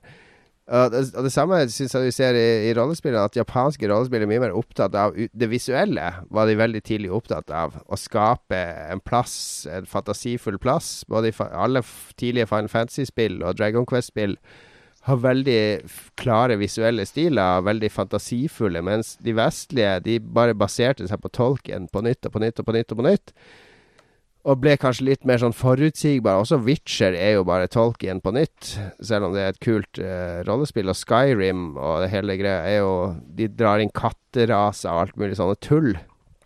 Men det, det er jo igjen Det er den samme medieval-settinga hele tida, mens japanerne syns jeg har hatt mye har en estetikk og en sånn sans for å eksperimentere som tiltaler meg veldig i de spillene. Selv om jeg, jeg også liker begge sjangrene veldig godt. Og mine beste rollespillopplevelser er jo de virkelig gamle som definerte meg, som Bard's Tale 2 og 3. Ja. Som jeg satt i, i lange sommermåneder og tegna kart til manuelt. Pool of Radiance, og et ADHD-spill fra SSI, som jeg brukte en måned på. De, de de er veldig sånn rigide, strikte vestlige rollespill som handler om å tegne kart. Først og fremst, og bare slåss mot random-monster. Uh, men de, de likte jeg utrolig godt. Jeg liker for så vidt de i dag òg. det der uh, Det kom jo en sånn herre Et spill på Steam i fjor, Dungeons of Dreadmore, eller hva det heter. Nå blander jeg kanskje, men, uh, men jeg syns Nei. Jeg syns vestlige rollespill har gjort utvikla seg bra. Jeg syns også det japanske Jeg er uenig med Magnus i at de stagnerte helt. Fordi sånn som Xenoblade Saga og det, det skjer mye spennende der òg. Det er bare ikke så storslagent eller får så mye oppmerksomhet som det fikk før. Men hva er liksom de siste store eh, vestlige, hvis vi ser bort fra Skyrim, da? Eh, Hva er de store triumfene innen eh, rollespill, egentlig, i det siste? Mass The Witcher og Mass Effect har jeg ikke Dragon Age. stor fan av. Dragon Age 2 var jo helt OK, liksom. Det første spilte jeg aldri. Men jeg klarer det. Det blir altfor realistisk, det her The Witcher-greia for meg. og for, Historiefortellinga i Mass Effect syns jeg magien dabba etter det, det første spillet. For meg er jo i særdeles mindretall her, selvfølgelig. Det første var vel mer japansk, føltes det, enn de andre to som har blitt mer vestlig. Det er vel kanskje en, en ny brannfakkel vi kan kaste inn. Nja, ja Jeg tror det var mange som Først hadde det en sånn at mystikk, og så hadde det sånn der Det gjorde La aldri noe skjul på at det var et RPG, fordi selv om du sikta på hodet hans, så kunne du bomme fordi du ikke hadde høy nok skill til å treffe og sånne ting. Mm, men det var jo litt vestlig igjen, da, på et vis. eh, For så vidt. Så Nei, men Kanskje. Jeg tror ikke vi kommer til noen Ja. konklusjon på spørsmålet til B-Zero-mus. Uansett, Men hva jeg tror vi liker foretrekker vi? egentlig begge to. Hva foretrekker vi? Kjapt. eller vestlige? Jon? Hvis du skal foretrekke en eller en annen. Ok, Akkurat nå så liker jeg vestlige. Ja, nei, men da, da prøver jeg, Det har ikke noe å si om hva som er sant eller ikke, men det er bare for å skille meg ut, så går jeg for japansk. Men jeg tror jeg går for japansk. Det er kun Betesta som holder faen høyt der for meg, egentlig. Det er det. Jeg er sikkert den eneste av oss som ikke liker Betesta også, vil jeg tro. Holy okay, shit. ok. Nei, Brannfakkel! men Veldig bra spørsmål, B-Zero-mus. Eh, Send inn flere i framtida. Vi Gjør det. trenger ting å debattere her i programmet vårt. Og så tok jeg med noe fra han øh, øh, En som heter Joakim Laberg. Han er, tror han er medieviter på Universitetet i Bergen. Men han sendte Det her er egentlig ikke til Lolbua, men han sendte noen tweets om øh, han syns at uh, anmeldelsene mine på Aftenposten er altfor kort på Aftenposten på nett. Og uh, at spillkritikk har god tradisjon for mer lengde enn musikk og film. Og mye av spillvurderinga mener han forsvinner når det blir såpass kort. Eh, er vi enig i det? Eh, må, sp må spillanmeldelser være lange? Han har jo rett i at det er, er tradisjon for å ha mer lengde. Spørsmålet er jo om de har vært gode, selv om de har vært lange. Det er jo to forskjellige spørsmål. Jeg vil jo påstå at lange anmeldelser hører spesialistmedia til. Du får lange plateanmeldelser i, eh, i, i musikkmagasiner. Du får lange filmanmeldelser i Sight Sound og filmmagasiner. Og du får lange spillanmeldelser på gamer.no og spillmedier. Du får vel ikke lange musikk- og filmanmeldelser i massemedia? Mm, nei, du får, det, selvfølgelig får du ikke det. Massemedia er jo spesielt tabloide medier som VG og Dagbladet og der du jobber, Aftenposten. Det er, poenget er jo å ha mye, mange små punkter, sånn at folk har mye forskjellig å lese. Eh, men hvis du går på gamer.no og ditt og datt, så er de vel ganske lange, er de ikke det? De er lange, men også greia med gamer.no er at de leverer anmeldelser til NTB. Og da kortes de ned til under Aftenposten-lengde. For å Eh, brukes av NTB-avisa. Tradisjonelle eh, spillanmeldelser er vel strengt tatt å ta spillet og eh, bryte det opp i fem kategorier, og så analysere det eh, eh, kronologisk etter de kategoriene, og så Ja. gi det en karakter til slutt. Det er Det, det er Altså- tradisjon. Og, og mitt eh, argument For jeg har, ikke, jeg har ikke tatt denne debatten på Twitter, fordi jeg er så litt på nett når jeg er på denne hytta her.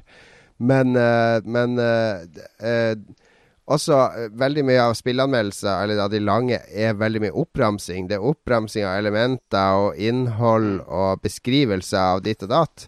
Som du egentlig ikke trenger i dag, fordi du kan bare gå, klikke deg inn og se en video av spillet, eller le- lese litt om spillet, eller Det er mange elementer. Hvis du skal eh, ta oss og skrape ned en anmeldelse til essensen, så er det jo min tolking av uh, helhetsopplevelsen og hva spillet vil fortelle meg.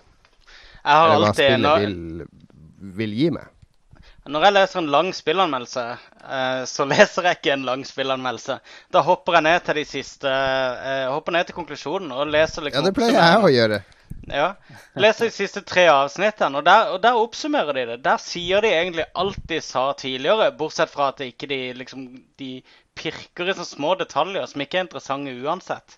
Og så Men det det du betyr ikke at det ikke er et marked for lange. Det er mange som elsker å lese lange anmeldelser. Og få et men- langt innblikk i alt som spillet handler om og byr på, og, og kretser seg rundt. Men, men, eh, men jeg tror ikke det Jeg tror det ville sett rart ut hvis uh, Hvis en anmeldelse i Aftenposten plutselig var på to-tre A4-sider med, med tekst, når alle andre anmeldelser av, alle and av litteratur og alt mulig annet i et massemedie er relativt kort. Ja, hvis, en er, hvis, en er hvis jeg er interessert da, i et spill etter å ha lest de to-tre siste avsnittene, så stikker jeg på Twitch eller noe, og så ser jeg noen spille det i noen minutter, og så ser jeg sjøl hva jeg syns om det. Eh, og det er jo internett. Det er, det er jo alle de mulighetene som kommer med internett. Det som du sier, det er bare å se en video fra det, eller en videoanmeldelse, så får du det oppsummert. Ja. Hva sier du, Lars? Um, Jeg er litt delt der, fordi jeg digga jo å lese de lange anmeldelsene til Edge eksempel, i sin tid, da det var et av de få spillbladene jeg gidde å kjøpe. Og da var de jo ofte veldig godt skrevet i tillegg. eh, Men de var heller ikke sånn voldsom lengde. Det var ikke sånn gamerlengde på de heller. Neida, neida. Men de var lengre enn det vi ser i dag, i, i de fleste tilfellene, kanskje. Så, eh, og så tenker jeg også på når eh, de her VG og andre driver og anmelder bøker og sånn, så er det gjerne at de har fått den dagen før, eller de anmelder kanskje boka samme dagen den går ut. Og det er jo litt forskjellig i spillmediene hvor lenge man har hatt spillet, og hvor lang tid man har fått spilt det, og hvor mye man har å si om det. Det er jo veldig veldig forskjellig. Du får jo mye rart ganske tidlig, men det er vel ikke alt du har så kjempelang tid å anmelde. og da kan det jo være Nei, vanskelig å ha så sinnssykt mye å si. det er også veldig forskjell på å anmelde og skrive kritikk. Jeg prøver å lage en sånn blanding av de to i, i eh, Aftenposten, der jeg diskuterer innholdet og budskapet og opplevelsen mer enn eh, å fortelle om du bør kjøpe det her eller ikke, sånn rent kvalitetsmessig.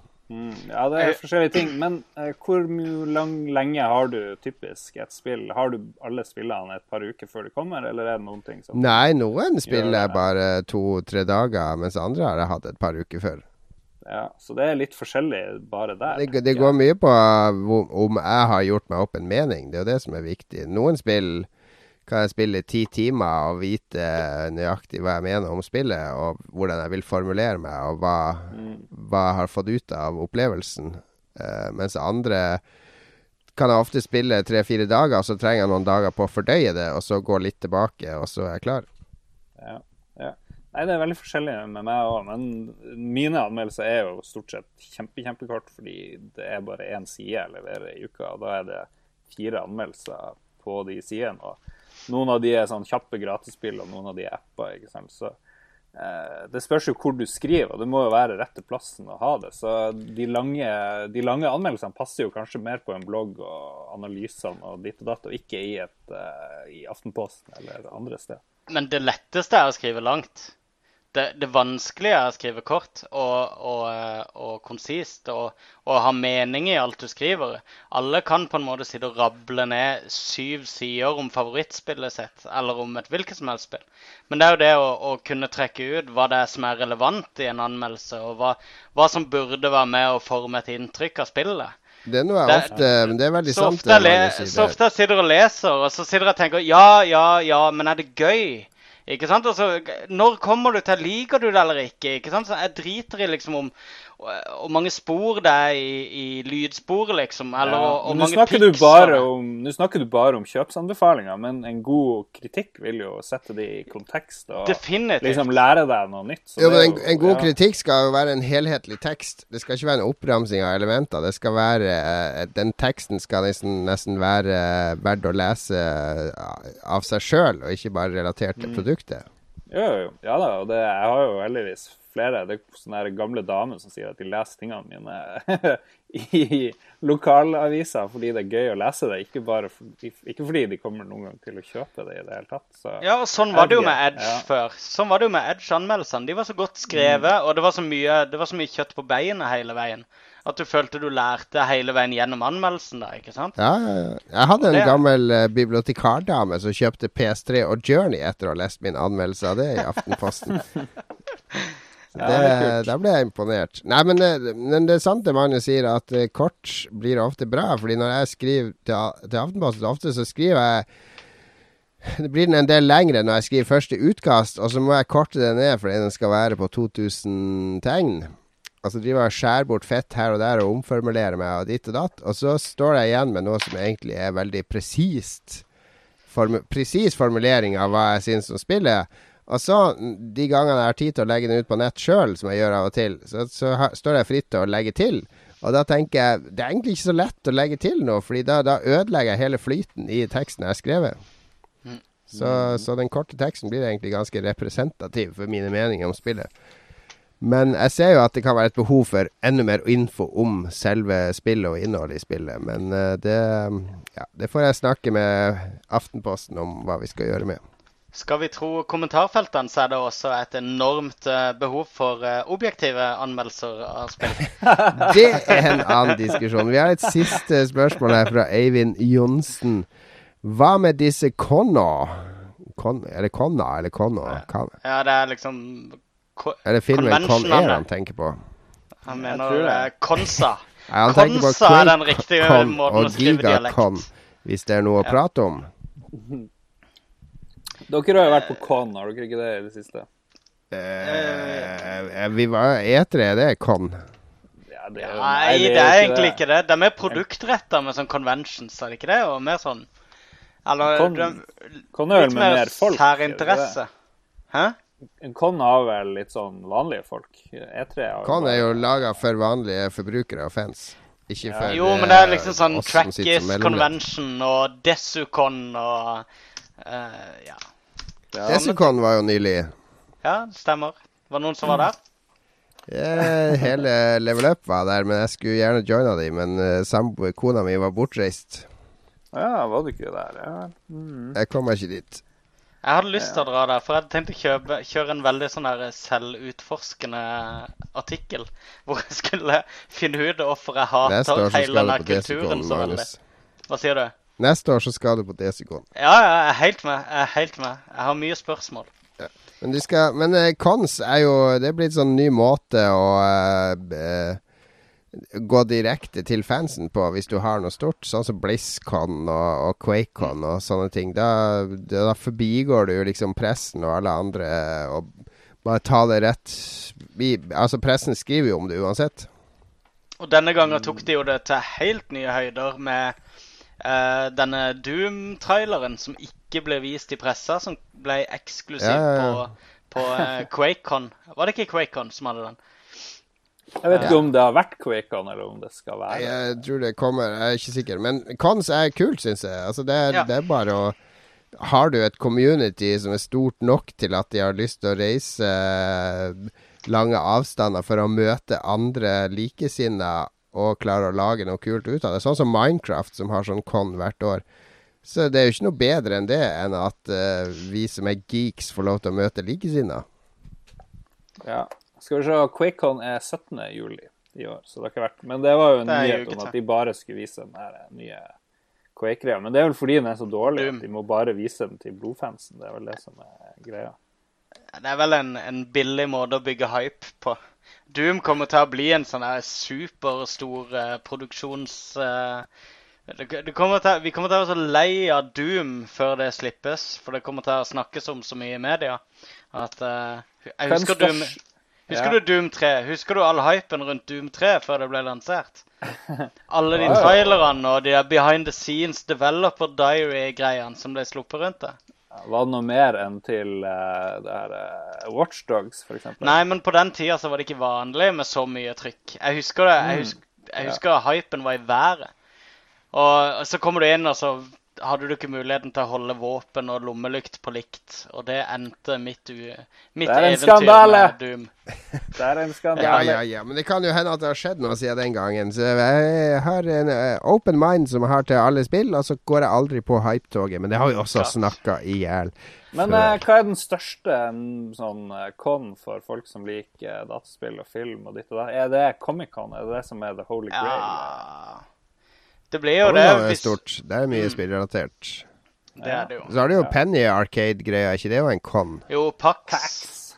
Pax. Jo da, Og, det er og. BlizzCon. BlizzCon er ganske svært, altså. Det er svært. Og Minecraft kan er populært, og det er det Thomas ville dra dit to, to år på rad. Det er populært, men er det så stort? Jeg hadde ikke inntrykk av at det var så digert.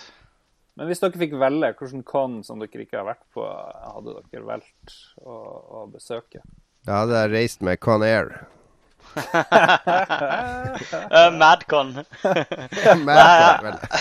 Med går Madcon på Conair. Madcon. Con Air. Jeg Madcon hadde Air. vel uh, Jeg vet ikke. Jeg tror nok Comic-Con. Jeg kunne godt tenke meg å oppleve Comic-Con også. Uh, eventuelt Pax. Selv om jeg, BlizzCon virker litt kult, men jeg er ikke så interessert i alle titlene til Blizzard at jeg hadde likt å være der i mange dager. Pluss alle folkene. det er jo bare MMO og MMO Jeg og går for eh, vårt uh, allerede favoritt-con Magnus Klekken. Klekkon. Klekkon. Det er det er beste konet. Definitivt. Så vi har jo faktisk vært på convention nå i Ja, sommer med spillutviklere. Det var gøy. Ja. Det var knall, for- faktisk. Ja. Jeg går for Defcon 3. Det tror jeg. Å ja, kunne vi fortsette med den?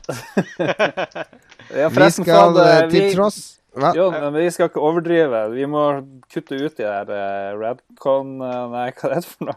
Radcon. Radcrew-greiene. Men vi har fått brev fra advokaten om at det blir rettslige skritt tatt fordi vi ikke har nevnt Persona 4 da vi snakka om JRPGs.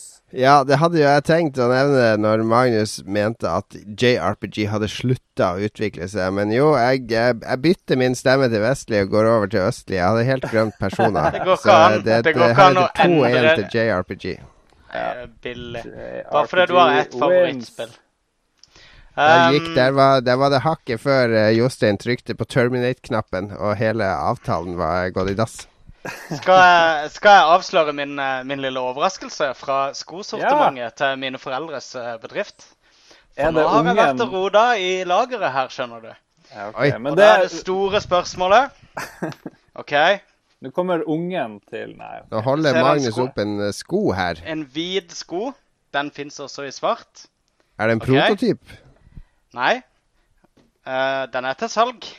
Og så denne svarte skoen.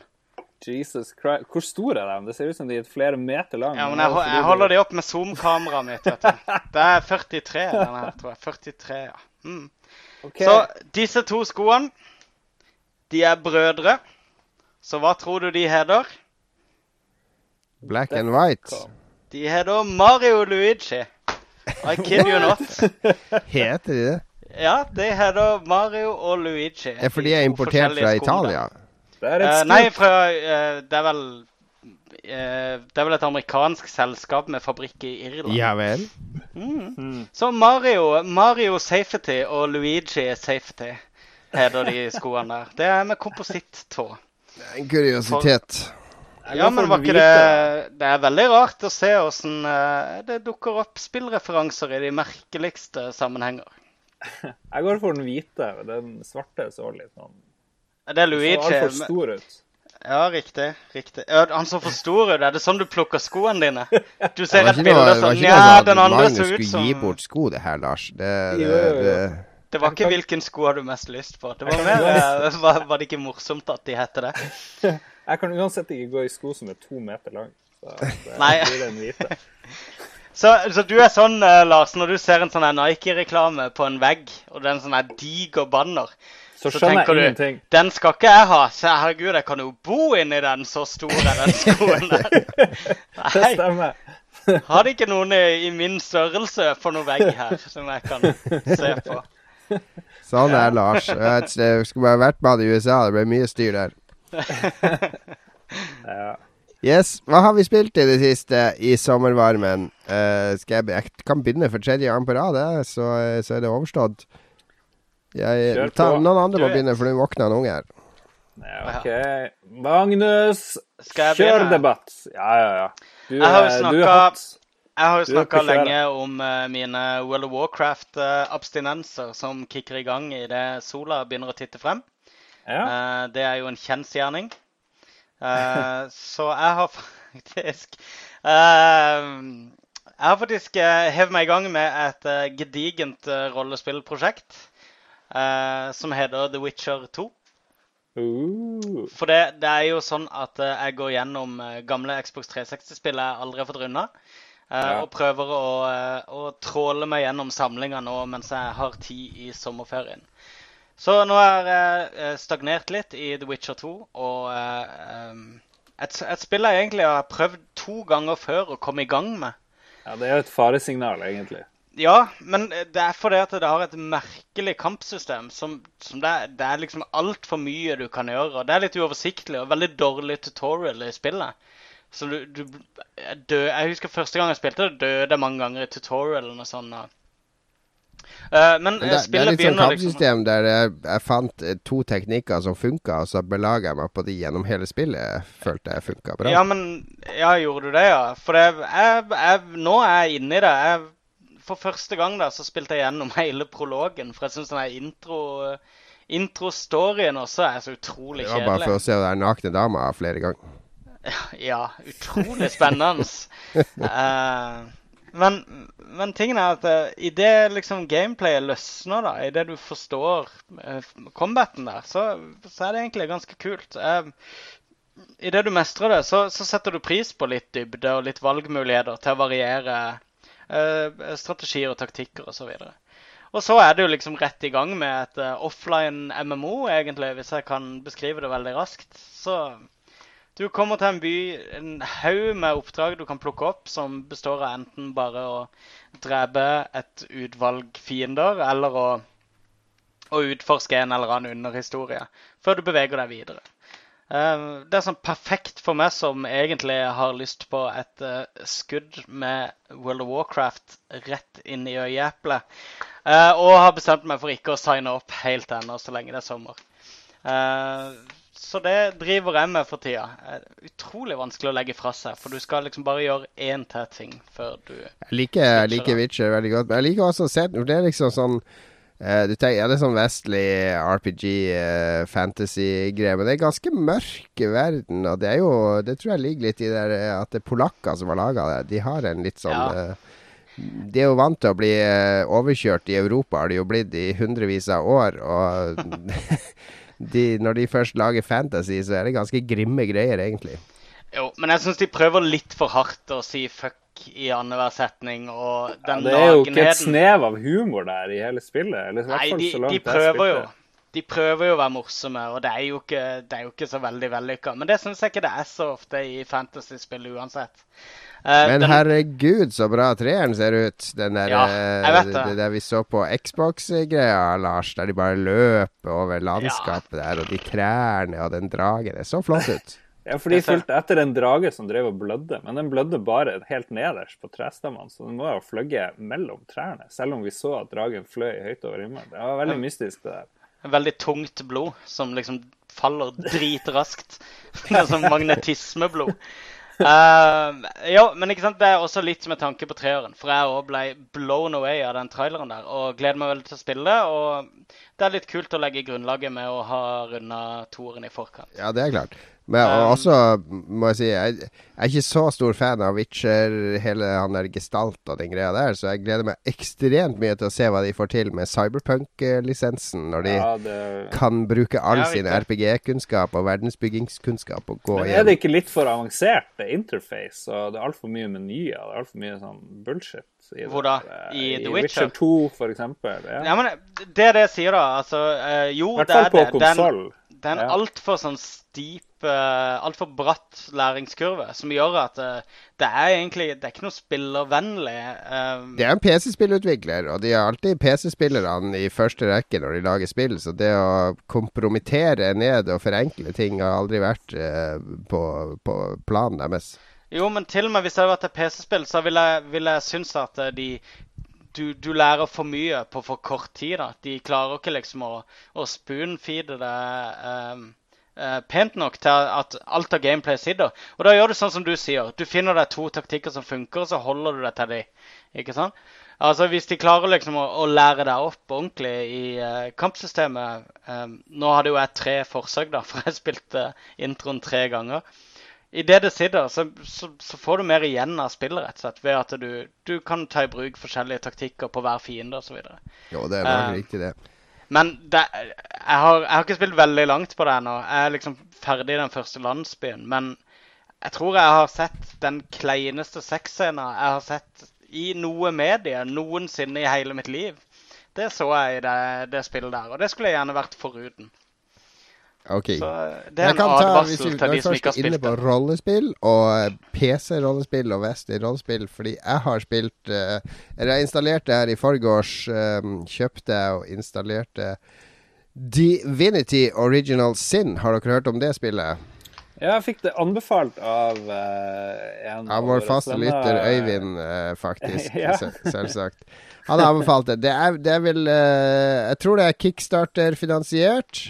Et spill som eh, tar utgangspunkt i Balders Gate 1 og 2, og la oss lage en moderne nytt rollespill som føles som disse gamle rollespillene. Og det har det jo til Nå har jeg bare spilt sånn tre-fire timer, men de, det er akkurat som Balders Gate, Bare mye, mye kulere enn Baldur's Gate eh, var. Sorry, alle Baldur's Gate-fans, men de har laga et sånn derre veldig dynamisk uh, environment-system, da. Så for eksempel i, starten, i tutorial dungeon så er det noen fiender som står på, i en oljedam, og da kan jeg bruke telekinesis og flytte noe candles bort dit, så at det tar fyr i oljen.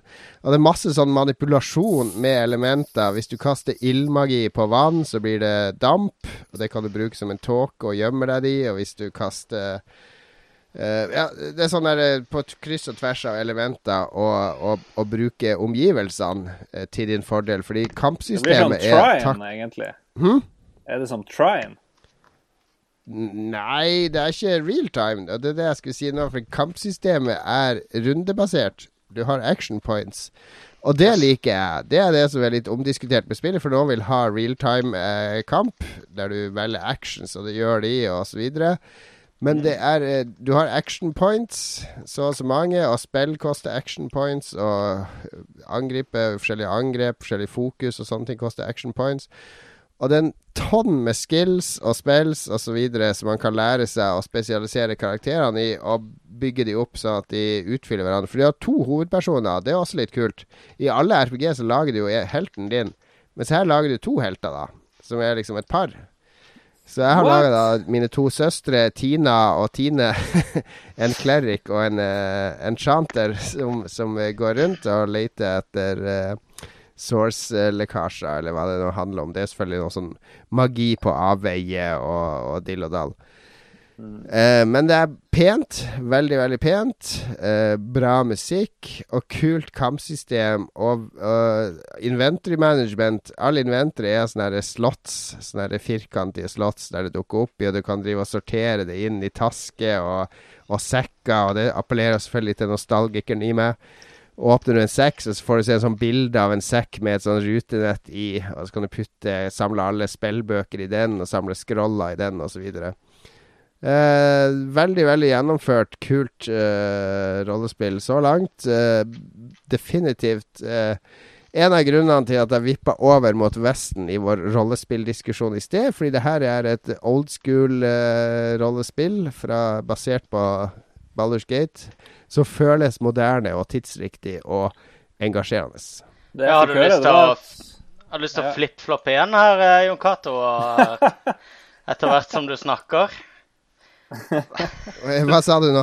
Er du villig til å flipp-floppe igjen tilbake igjen til vestlige rollespill? Er det det som er planen? Nei, ja, nå har jeg nesten snakka meg tilbake dit. Men personer det blir, At jeg kunne glemme personer, det kommer jeg Det skammer jeg meg for. Jeg skal si, eh, jeg skal si 500 av personer uh, før neste Lolbua-sending. Det jeg fikk høre, det var at det er Divinity. At det var det nærmeste du kom et ekte penn og papir-rollespill på data ever. Du, har du noen tanker om det, Jon? Jeg har ikke spilt så langt ennå. Jeg har bare for mye gøy med bare å leke meg med de lille, få tingene de heltene mine kan, og, og utforske kampsystemet litt. Det er ikke sånn der eh, supernøye tutorial heller, så man må prøve seg litt frem, og, og for man skjønner litt sånn hvordan man skal spille optimalt. Så Nei, jeg, jeg, jeg Kanskje. Det er i hvert fall mer uh, Altså sånn Skyrim og alle sånn Alle vest... Og Witcher, alle vestlige rollespill har basert seg, eller bevega seg mer og mer mot action. Det er actionslåssing, det er uh, fysiske reaksjoner, rundebasert. Det er liksom ut. Mm. Så jeg liker veldig godt at det går tilbake til det rundebaserte kampsystemet, og der du virkelig kan gruble litt og være litt taktisk og Det passer jo veldig bra til pensjonister, sånn som uh, deg på et vis. Passer veldig godt til oss over 40. ja, men det som eh, XCOM også er jo turbasert. Og, uh, Absolutt, det og det fungerer jo som bare det. Ja, ja. Definitivt. Jeg er kjempeglad i turbaserte uh, spill. Ja. Ja, jeg får se om det blir noen konsollversjon av det her etter hvert. Men det er i hvert fall uh, strålende PC-rollespill. Jeg er veldig glad for at uh, alle som kickstarta det, var med å få det her realisert. Hurra for kickstarter. Bra Lars, jobba. du er mer på i nazi... Kjørt deg inn i nazihjørnet nå det siste. ja, du er òg i Polen. før, jeg, før jeg skal si hva jeg har spilt, så skal jeg bare uh, melde videre at uh, Andreas R. Haakensen sier at Transport Tycoon nå er helt gratis. Det går for tida under navnet OpenTTD. Så da vet folket det, at de som vil ha eh, sitte og nerde med transportsystemer, kan få det. Helt Der- gratis. D-en står for deluxe, da, eller? For det kommer vel en deluxe-utgave av det spillet? Vil jeg Ja, tro. nei, jeg har ikke peiling. Nei, Det eneste jeg rukket å spille litt av i det siste, før det ble altfor varmt, det var jo og Siden jeg er veldig glad i, eh, i eh, nazisme det er Og jo den ariske rase, ikke minst. Ja, det er jo Wolfenstein The New Order. Og Aha. jeg, ja, jeg syns jo det er et av de store høydepunktene i år. Det er moro. Det er gøy, gøy, gøy. Ja, og jeg er dritlei av Battlefield og Call of Duty, og da er det utrolig deilig å hoppe inn i Wolfenstein, hvor det er tydelig designa for en enspilleropplevelse. Absolutt. sant? Og det er ikke en unnskyldning for å klette på den her eh, multiplayeren hvor du skal melke folk for å, for å eh, laste ned DLC og nye kart. Og, Det er bra designa spill òg, da. Det er det. Det funker. Det er veldig solid. og Jeg syns fiendene er kjempe, kjempebra. Jeg syns levelene er veldig gode. og Du har kart du kan drive og kikke på og se om du finner secrets. Og det er jo secrets all over the fucking place. Bakdører og Du må liksom tenke litt. Det er vel noen sånne Er det ikke deilig å plukke opp eh, hjelmer og sånn og få armor? Ja, absolutt. Så er det veldig gøy å ta av de der eh, maskingeværene på stativ og bare gå og Ja, ja, ja. fyre løs, sånn som i Matrix. Du ser bare de her eh, pilarene mellom eh, nivåene driver og smuldrer opp og sånt. Så nei, jeg syns det er konge. På alle måter. Så du er ikke- uenig i alle kritikerne som kom med den gamle det, er, det er bare et skytespill, et steg tilbake for sjangeren. Tilbake. Det er jo helt fantastisk. Det, nei da. Det blir som å se du- på fotball-VM og si at det er bare 22 mann som løper etter en ball. Ja, det er hittil ingen russiske terrorister, og det er ingen arabere, og det er ingen en bombe som er kidnappa med atommateriale, og ingen satellitter. Så da er jeg Ja, du, har spilt, du har ikke spilt så lenge, altså? Du har ikke kommet til de russiske terroristene og alle araberne? De det. russere Du kjøpte araberne ikke den Du preordra ikke den versjonen med No Russian DLC og Arabian Warfare eh, add-on? Nei, jeg har ikke det. Og hvis du elsker sånne gamle, useriøse skytespill, sånne eh, gamle Wolfenstein og de her opplegget, så kommer du til å elske det her. Så det er mitt, uh, min, mitt sommerspill så langt.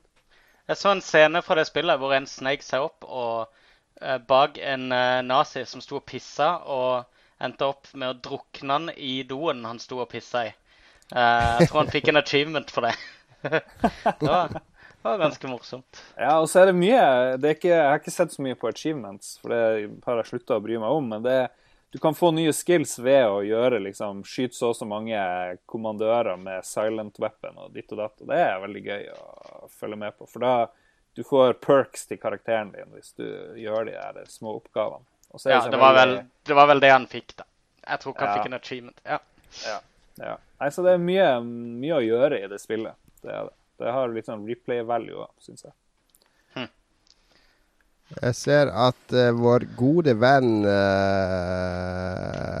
Jostein, eller vår partner nå, eller vår sjef, eller vår advokat, alt ettersom, har nå lagt meg til i Red Crew interngruppe på, ja, jeg er på også Facebook. der. Jeg er også der. Nå, denne ballen ruller fort, altså. Men nå må vi slutte å snakke om den jævla Red Crew. Nå er jeg klar til å Ok, vi har oppfylt ja, Jeg skal se på timeren. Yes, vi har snakka nok om Red Crew i denne sendinga. Peggle 2! Peggle 2. Men det er noe annet som har skjedd, har jeg sett på Facebook. Nemlig både min mor og min tante har vært inne og lika at vi har sending nå. Det er jo, drar jo kredden milevis ned. Vi må gjøre noe. Må Hvem var det, hvem var, Det hvem var det som gikk forbi her når de to har vært inne og bakgrunnen, lika, så betyr det at da skal sendinga avsluttes. Ja, det er riktig. Ja, god idé. Det er den nye Lolbua-regelen. Når mamma og tante har vært inne og lika sendinga mi, Jesus så skal det avsluttes. Du må Yes. snakke med dem. De må slutte å følge oss. Nei, fra og med høsten da, så skal vi, må vi shotte whisky hver gang tanta mi og, og mamma har vært inne og lika. Det er den nye høstregelen. Men vi har i hvert fall kommet til veis ende i dag. Vi avslutter med en uh, Melodies of Life fra Fan Fancy 9. Det trengte jeg ikke si til dere, det hørte dere jo med en gang. I uh, Fan Fancy opera-versjon. Eh, svale sommertoner i bakgrunnen. Jeg så akkurat en uh, nabogutten hadde vært ute og tatt seg et kveldsbad. Det skal kanskje jeg gjøre òg etterpå, fordi det er fordel med å sitte inne i en sånn ombygd naust, er jo at jeg kan bare gå ut døra og stupe rett i havet. Ai, ai, ai. Det det syns jeg du skal deilig. gjøre. Så jeg skal ut og ta meg et nattbad. Uh, det har vært en fin uh, første sending under uh, Red Crew-paraplyen. Det lover Hold godt. Hold nå kjeft om det Red. det Jeg bare prøver å oppfylle kontrakt. vi skal holde det på den kontrakten fram til september, i hvert fall, Lars. Ellers har du selv lest under kontrakt, kontraktsbruddparagrafen. Nei, jeg bare leste at det her var en kontrakt mellom Lolbua, Radcrew og Gud, så jeg føler at det er sikkert mye rart i den kontrakten jeg ikke har eh, sett så nøye på. det er kanskje siden, det. siden jeg godkjente den, så får jeg vel kanskje mye av skylda. Vi, eh, det blir en stund til neste Lolbua. Tro Nei, vi kan kanskje ha en neste uke, men så blir det en liten pause, fordi da skal jeg til Spania. Jeg tror ikke jeg får nett nok der nede til å ha en Los Lolbua gående. Nei, jeg er i eh, Budapest eh, uka etter der, men neste uke vi kjører på. Hvis eh, Magnus kan. Kan du? Siste sommersending neste uke. Magnus Jeg har kan ferie, men jeg er med, da. Magnus kan Magnus kan. Følg oss eh, på Twitter, at Lolbua. Eh, følg oss på eh, Facebook. Lolbua2000 heter vi der. Eh, dere må selvfølgelig også gå inn og, eh, på radcrew.net. Hysj, Lars. Herregud! Det er du som har forhandla frem dette Ja, det er er broderskap. fantastisk.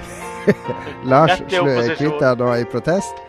Vi, eh, fortsetter, vi, vi toner ut inn i sommernatta med Melodies of Life fra Final Fantasy eh, 9. Vi høres igjen neste uke. Ha en fortreffelig og varm og fin sommer, alle sammen. Husk solkrem. Ha det bra. Ha det.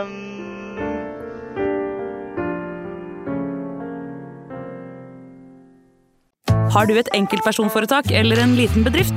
Da er du sikkert lei av å høre meg snakke om hvor enkelt det er med kvitteringer og bilag i fiken, så vi eh, gir oss her, vi. Fordi vi liker enkelt. Fiken superenkelt regnskap.